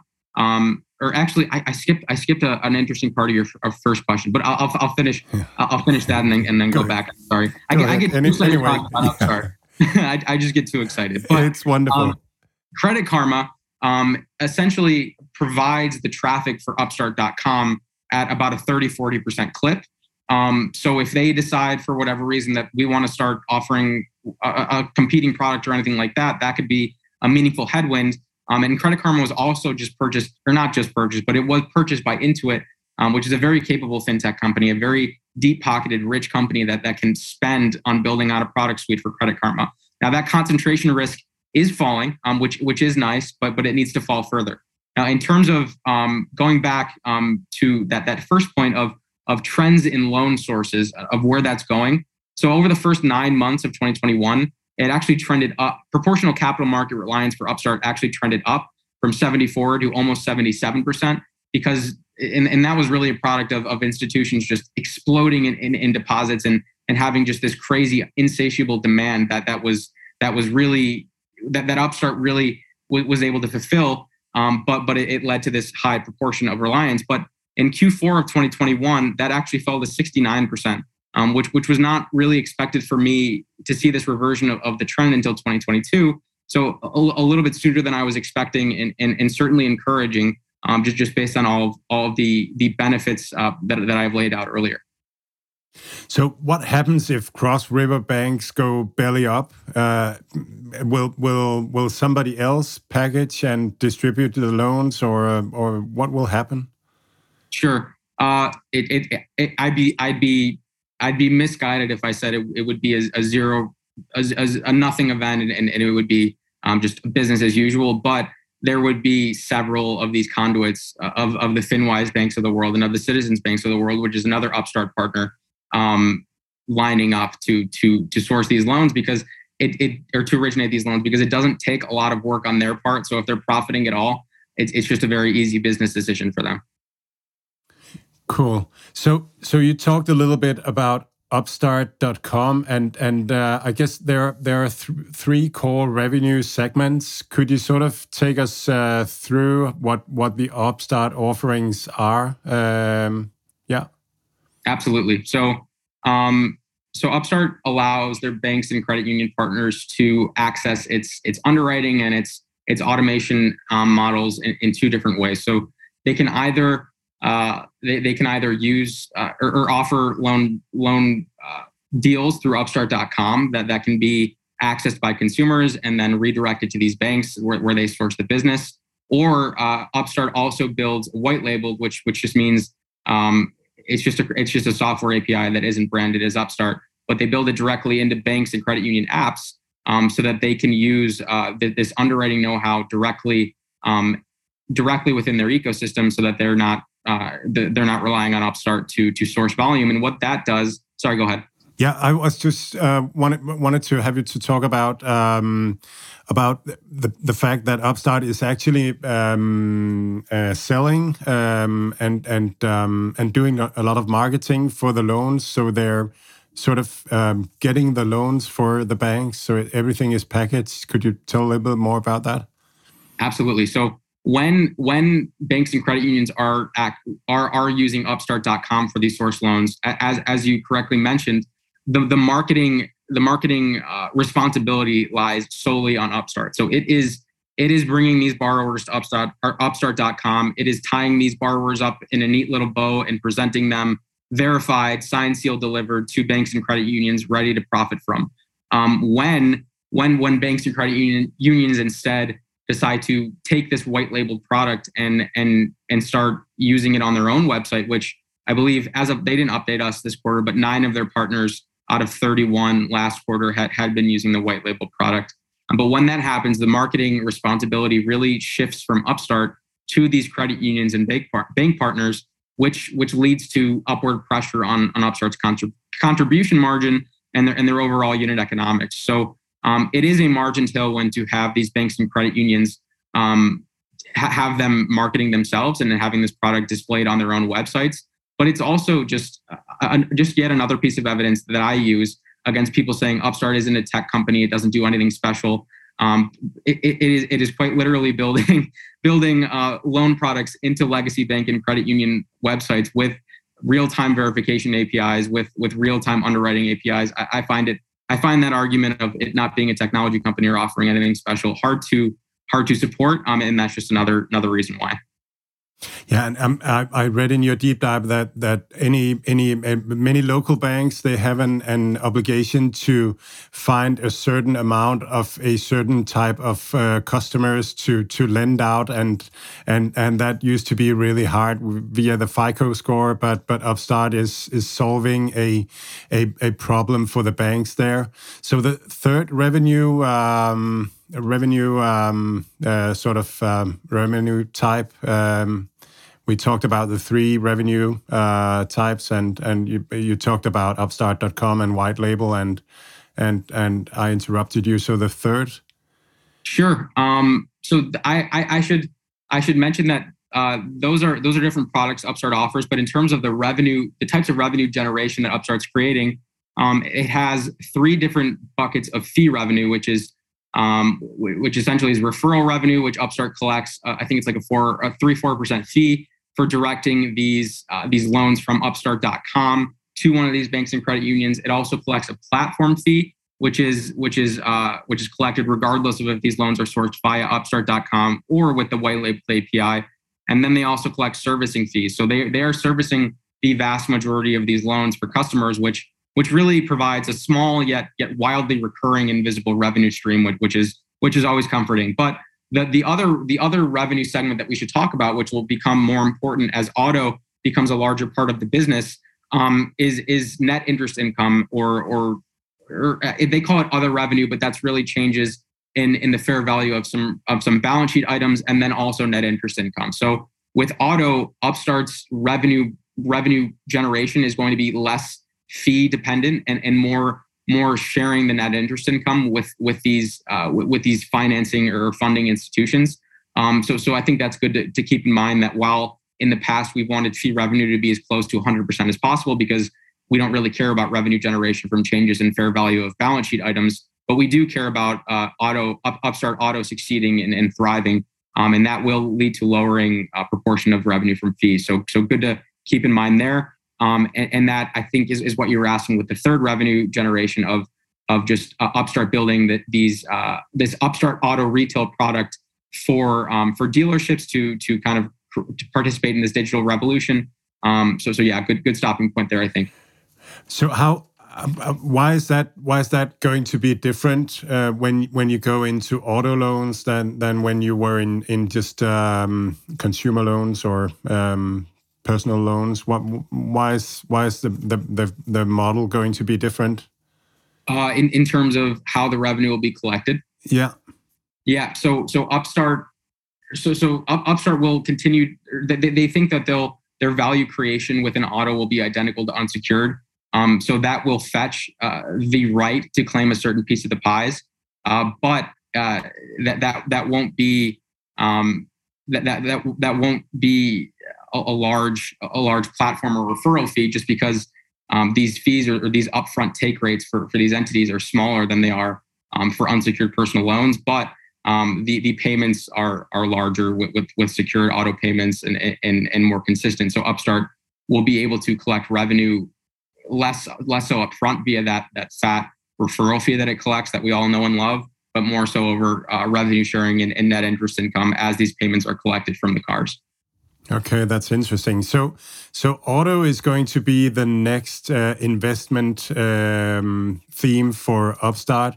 So, what what are they looking for uh, else uh, in the future of of other types of of loans or other parts of the market to address? Yeah, yeah, great question. Um, so, there's three products in the works right now, um, and, and Upstart's goal is really to have a new product out, scaled, ready to ready to market every year for the next three years.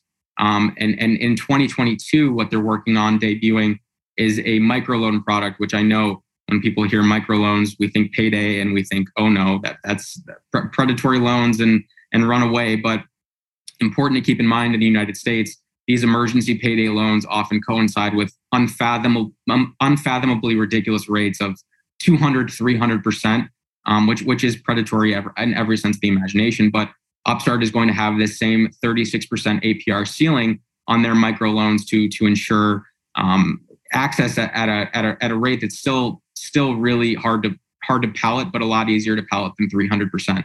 Other than that, they're working on debuting a small business product um, in, in, in 2022, which I'm, I'm personally very excited about. Um, a, a, small business and loan or installment loan product could could work really well and is another several hundred billion dollar TAM to approach for them. And then we have this massive um, mortgage industry that Upstart wants to to join at uh, starting in 2023, which again, multi-trillion dollar market, hyper competitive. Um, so it, it, will be very interesting to see if if this young upstart, sorry to use that word in, in, in its name, but um, but it, but it works. Um, we'll be able to take a piece of that that extremely uber regulated, uber competitive, um, daunting industry of, of mortgages. Um, other than that, it's working on um, working on on, on things uh, in, in, the student loan space. It's working on building credit cards for some of its bank partners. So so a lot of a lot of projects in the work for sure. So we're talking about um, about these um, small um, small consumer loans.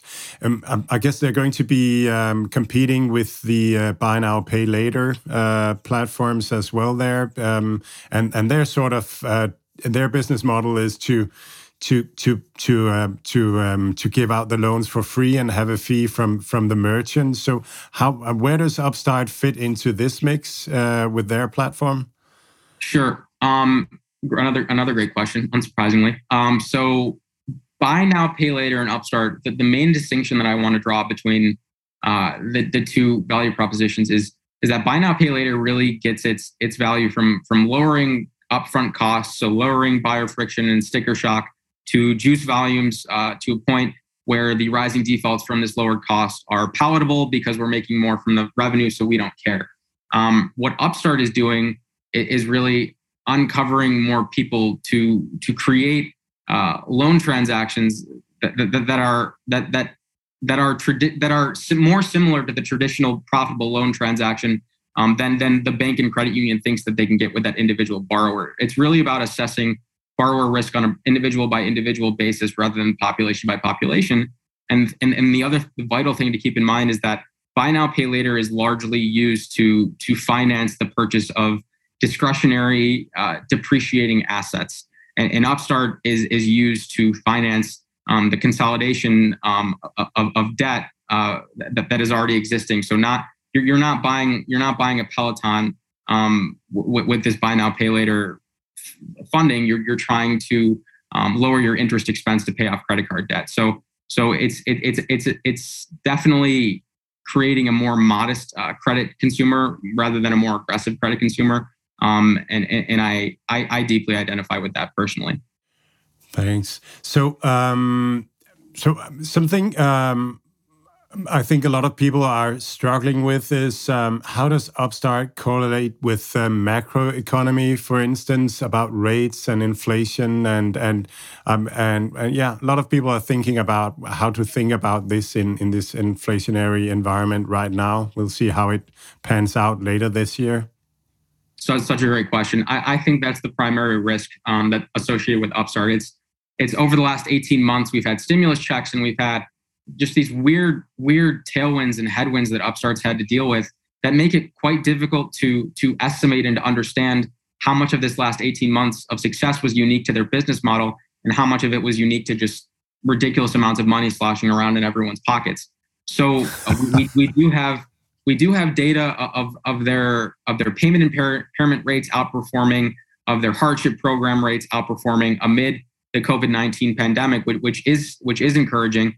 Um, and, and and and that that that can't be taken lightly. Now we, we also have to consider the fact that Upstart and, and CFO Sanjay Datta have been holding our hands for the last 12 months and telling us default rates are going to go up and our loans are priced accordingly and and and so while while absolute default rates are going to go up, the profit spreads from these loans will also mirror that that rise, so that the loans continue to be compelling um, for these b- banks and loan partners. Now, rising rates, uh, which is on everyone's mind, rightfully so right now, um, is is a headwind for, for Upstart on a volume basis because it is sourcing loans um, for for these companies. So so more more source loans equal more commissions equal more revenue and more expensive uh, more expensive pricing means means less volume. But at the exact same time, we we have we also have this wonderful tailwind of stimulus checks going away and, and that really boosting demand for, for, for loans in a meaningful way now that we don't have um, the federal government paying for our grocery bills or, or, or some other things so such as such as that. So the, it so the, the headwinds and the tailwinds have been fascinating because it makes it so difficult to, to consider what's real and what's not real about Upstart. But and I'm sure we'll talk about this a little later on the 2022 demand guide that they that they issued, which is much less impacted by, by these exogenous macro effects, was extremely strong, which which made me quite confident um, in, in, in assuming um, in assuming that the success was unique to Upstart and, and not macro. But but time will tell. Um, it's it's definitely not a, a guarantee that that's the case, but this this quarter was definitely a positive data point supporting that thesis. Yeah, and, and growth is just uh, so so great there in the early in- innings of a, a huge uh, market opportunity. And and if you're a long term investor, you shouldn't really care about rates going up and down and and um, and and these macroeconomic cycles. In in my opinion, at least. Yeah, and, and I just wanted to give a quote from uh, Sanjay from from last quarter. I cannot remember if I said this earlier, so if I did and I'm sounding redundant, I'm, I'm, I'm sorry. I'm going to say it anyway. Um, as anticipated, default rates have risen and our loans are priced accordingly. We expect no adverse default rate impact on our loan volume or economics. Rising defaults are a product of a change in customer mix and are a bug, or, or are not a bug, but a feature of our platform. So this is him really just telling me we, have been telling you for the last 12 months this is going to happen. Why, why is everyone freaking out? We've We've priced this into all of our loans. This is not a big deal, um, and it's not impacting us at all. So um, great, great news there. Uh, and and and yeah, positive data point. Still a long way to go to prove itself. Yeah, and, and also the fact that when they are getting more conviction in their uh, model of predicting um, uh, repayment power, this is really hard for me language wise because uh, I'm not used to to the banking terms. But they are getting better at predicting uh, somebody who one would generally predict be a poor um, poor person to to lend out to, and that means that they are able to lend out to a larger part of the population, and that will inevitably um, create more defaults or more more people not paying back. So it's it's not necessarily a bad data point that that more people are not paying back. It's just an a result of them being able to serve a larger part of of the population. Yeah, yeah, and, and I think if you look at Kroll Bond Rating Agency and the, and the surveillance reports they release, we, are seeing that playing out in, in terms of banks and credit unions becoming more confident in Upstart, lowering credit parameters. I mean, seven seven of them have now eliminated FICO minimums that they've been using for 50 years. That's versus one of them having done so six months ago. But but you're absolutely right. We're seeing this shift away from AAA and AA rated bonds or AA rated loans to to more A and B and C rated because these traditionally A, B, and C rated loans, people are discovering Upstart can source and find in a profitable way for them. Um, so, so that it's it's really a product of, of confidence building and its value proposition. So, what are the risks uh, for Upstart for an investor investing in Upstart? Love talking about risks. So, um, macro macro is is is still a risk. Yes, 2022 uh, guide was was encouraging. Yes, I was happy about it, but we, I, I, we we can't just say that that that that risk is over. It's gone. It's done. We we, we overcame it. Um, they still have to con- continuously demonstrate that they can outperform on an apples to apples basis in any macro environment. Um, and, and they've done so admirably in, in these abrupt transitions we've had in the macro backdrop. But that needs to continue. And and and I, if I'm if I told you I, I guarantee it's going to continue, I'd be lying. So we have to just continue. Sorry, sorry, I'm saying the word continue so much, but we have to frequently verify that that is is still the case. Um, other than that, concentration risk we talked about a little bit, so I won't I won't speak there too much. Uh, but but competition. So uh, these super apps, uh, I'm thinking SoFi, I'm thinking PayPal, I'm thinking all these companies that are are trying to offer AI powered loans, um, but they also cross sell all of these other products um, that, that that allow them to generate more value per customer that could allow them to potentially undercut Upstart in, in some of these deals. That that's not coming into fruition yet at all, but but it could. Um, and yet, go ahead.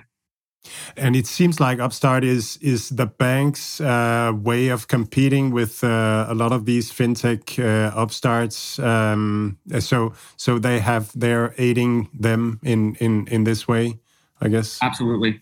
Yeah. And then and then then you you wrote a lot about political risk, and I, I that sure. was really an eye opener for me because um, they they've had some successes, but but I also read in your deep dive that that actually there is a lot of politicians that are trying their luck to to sort of to sort of do harm on on Upstart yeah. or the business model, and and I'd love to hear about that.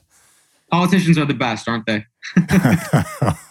uh, but but yes. Uh, so from a political standpoint, so multiple state attorney generals have have inquired into Upstart on specifically their use of educational variables uh, to to see if that's to see if that's creating biases or anything like that, and also the fact that Upstart is really um, really kind of claiming uh, the, the access to low cost of capital and state tax exemptions that banks and credit unions enjoy um, by being this by being this um, sourcing conduit for for banks and credit unions. So not having any of the licensing, but being a partner, allowing them to um, to kind of assume all of these benefits in what's called renting a charter. Um, so the, the OCC and the FDI. So all all I, I won't use acronyms. All um, federal uh, agencies that are responsible for regulating um, Upstart have have ruled on this and, and have have explicitly said it is okay for the, these these bank um, exemptions to be transferred or sold to another institution, and that rates shouldn't be impacted by that.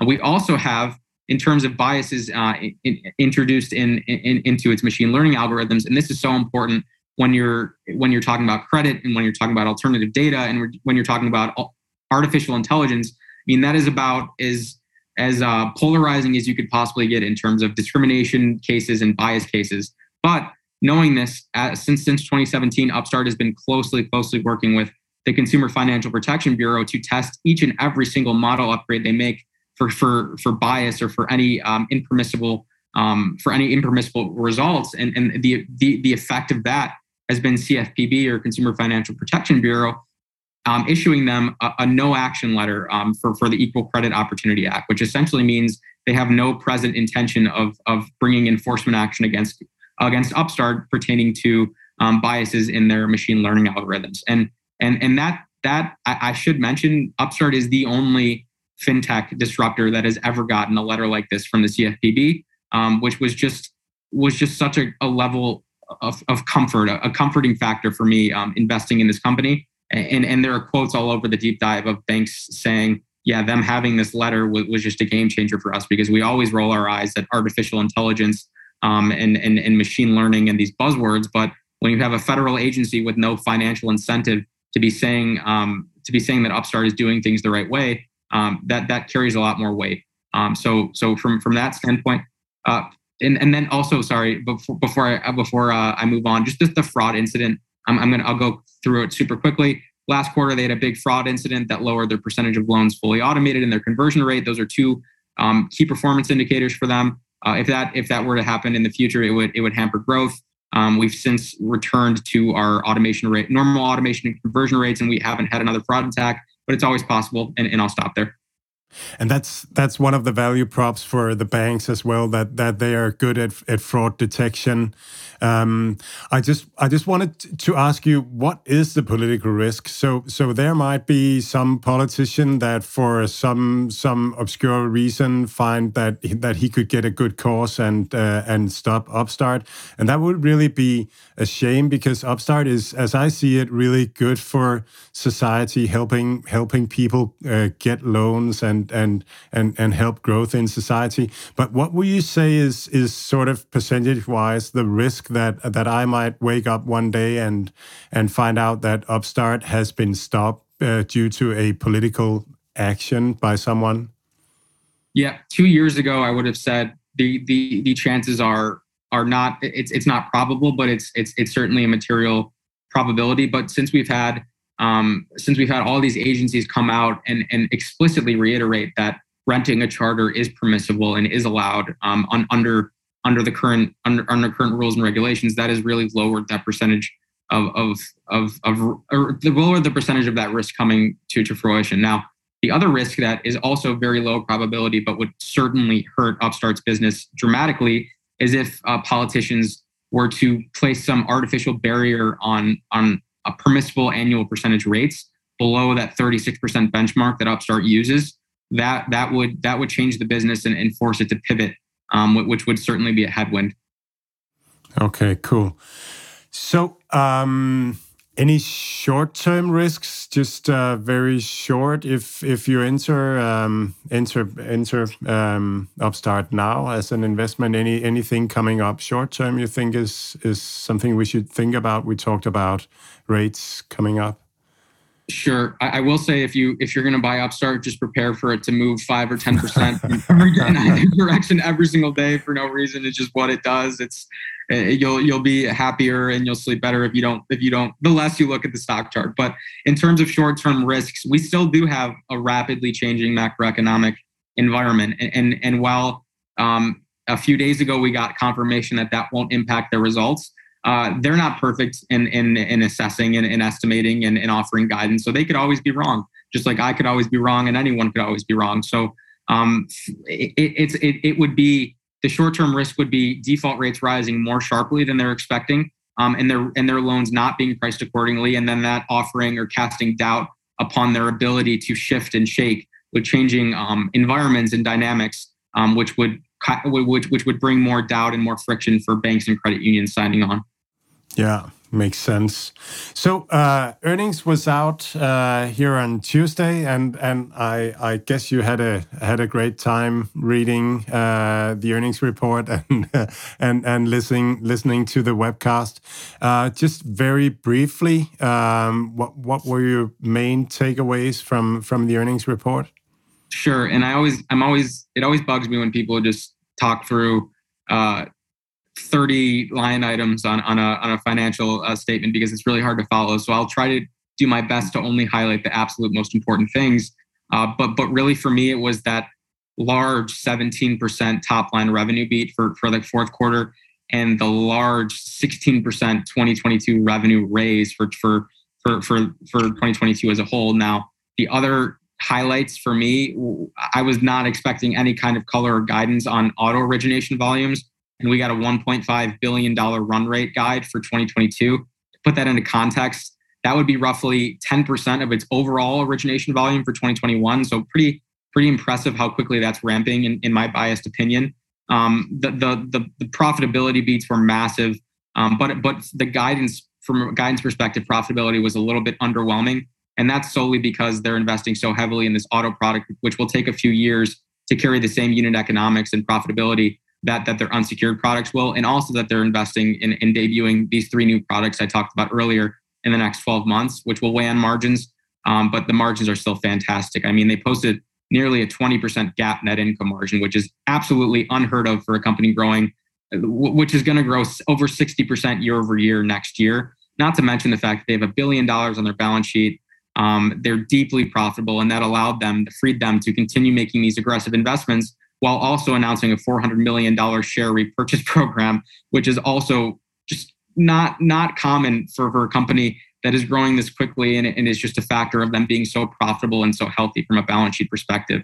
Um, in terms of interesting notes from the call, uh, I will.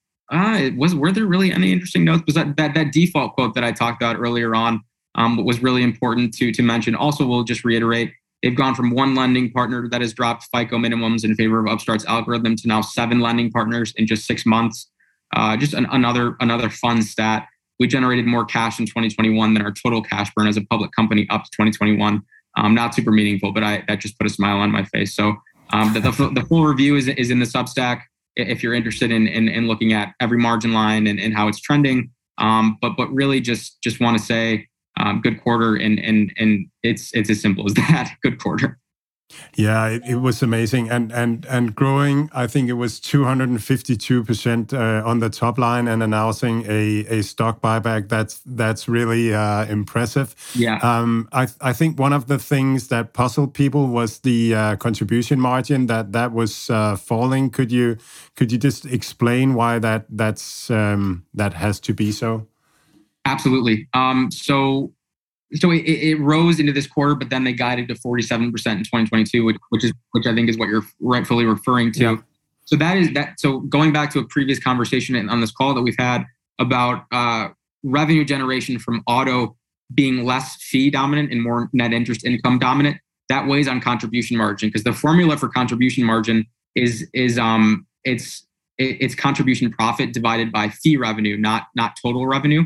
So as as net interest income becomes a larger portion of total revenue and fee revenue becomes a smaller portion of total revenue, that inherently weighs on contribution margin, which is why it's it's set to fall as auto grows so rapidly. Perfect. I, that was that was amazing. That was so interesting, uh, Bradley. That was really really great. Do you have? Um, is there anything we we need to to? Uh, have we forgotten something? No, I just I, I love to leave leave I'd love to leave your listeners with a with a I just said a lot of really nice things about the company. Um, and I'm a human being who could always be wrong. So uh, so to verify that that you like the investment and yourself and and and and and yeah, hopefully this was a good source of inspiration, but but definitely not not the end game for for researching and building conviction in the firm. Fantastic. It's been amazing, Bradley, and um, thanks a lot. And once again, where can people find you? Yeah, so Substack is at stockmarketnerd.com. Sounds exactly how it's spelled, or spelled exactly how it sounds. Wow. I, yeah. Thanks a lot, Bradley. Yep. Have a great day.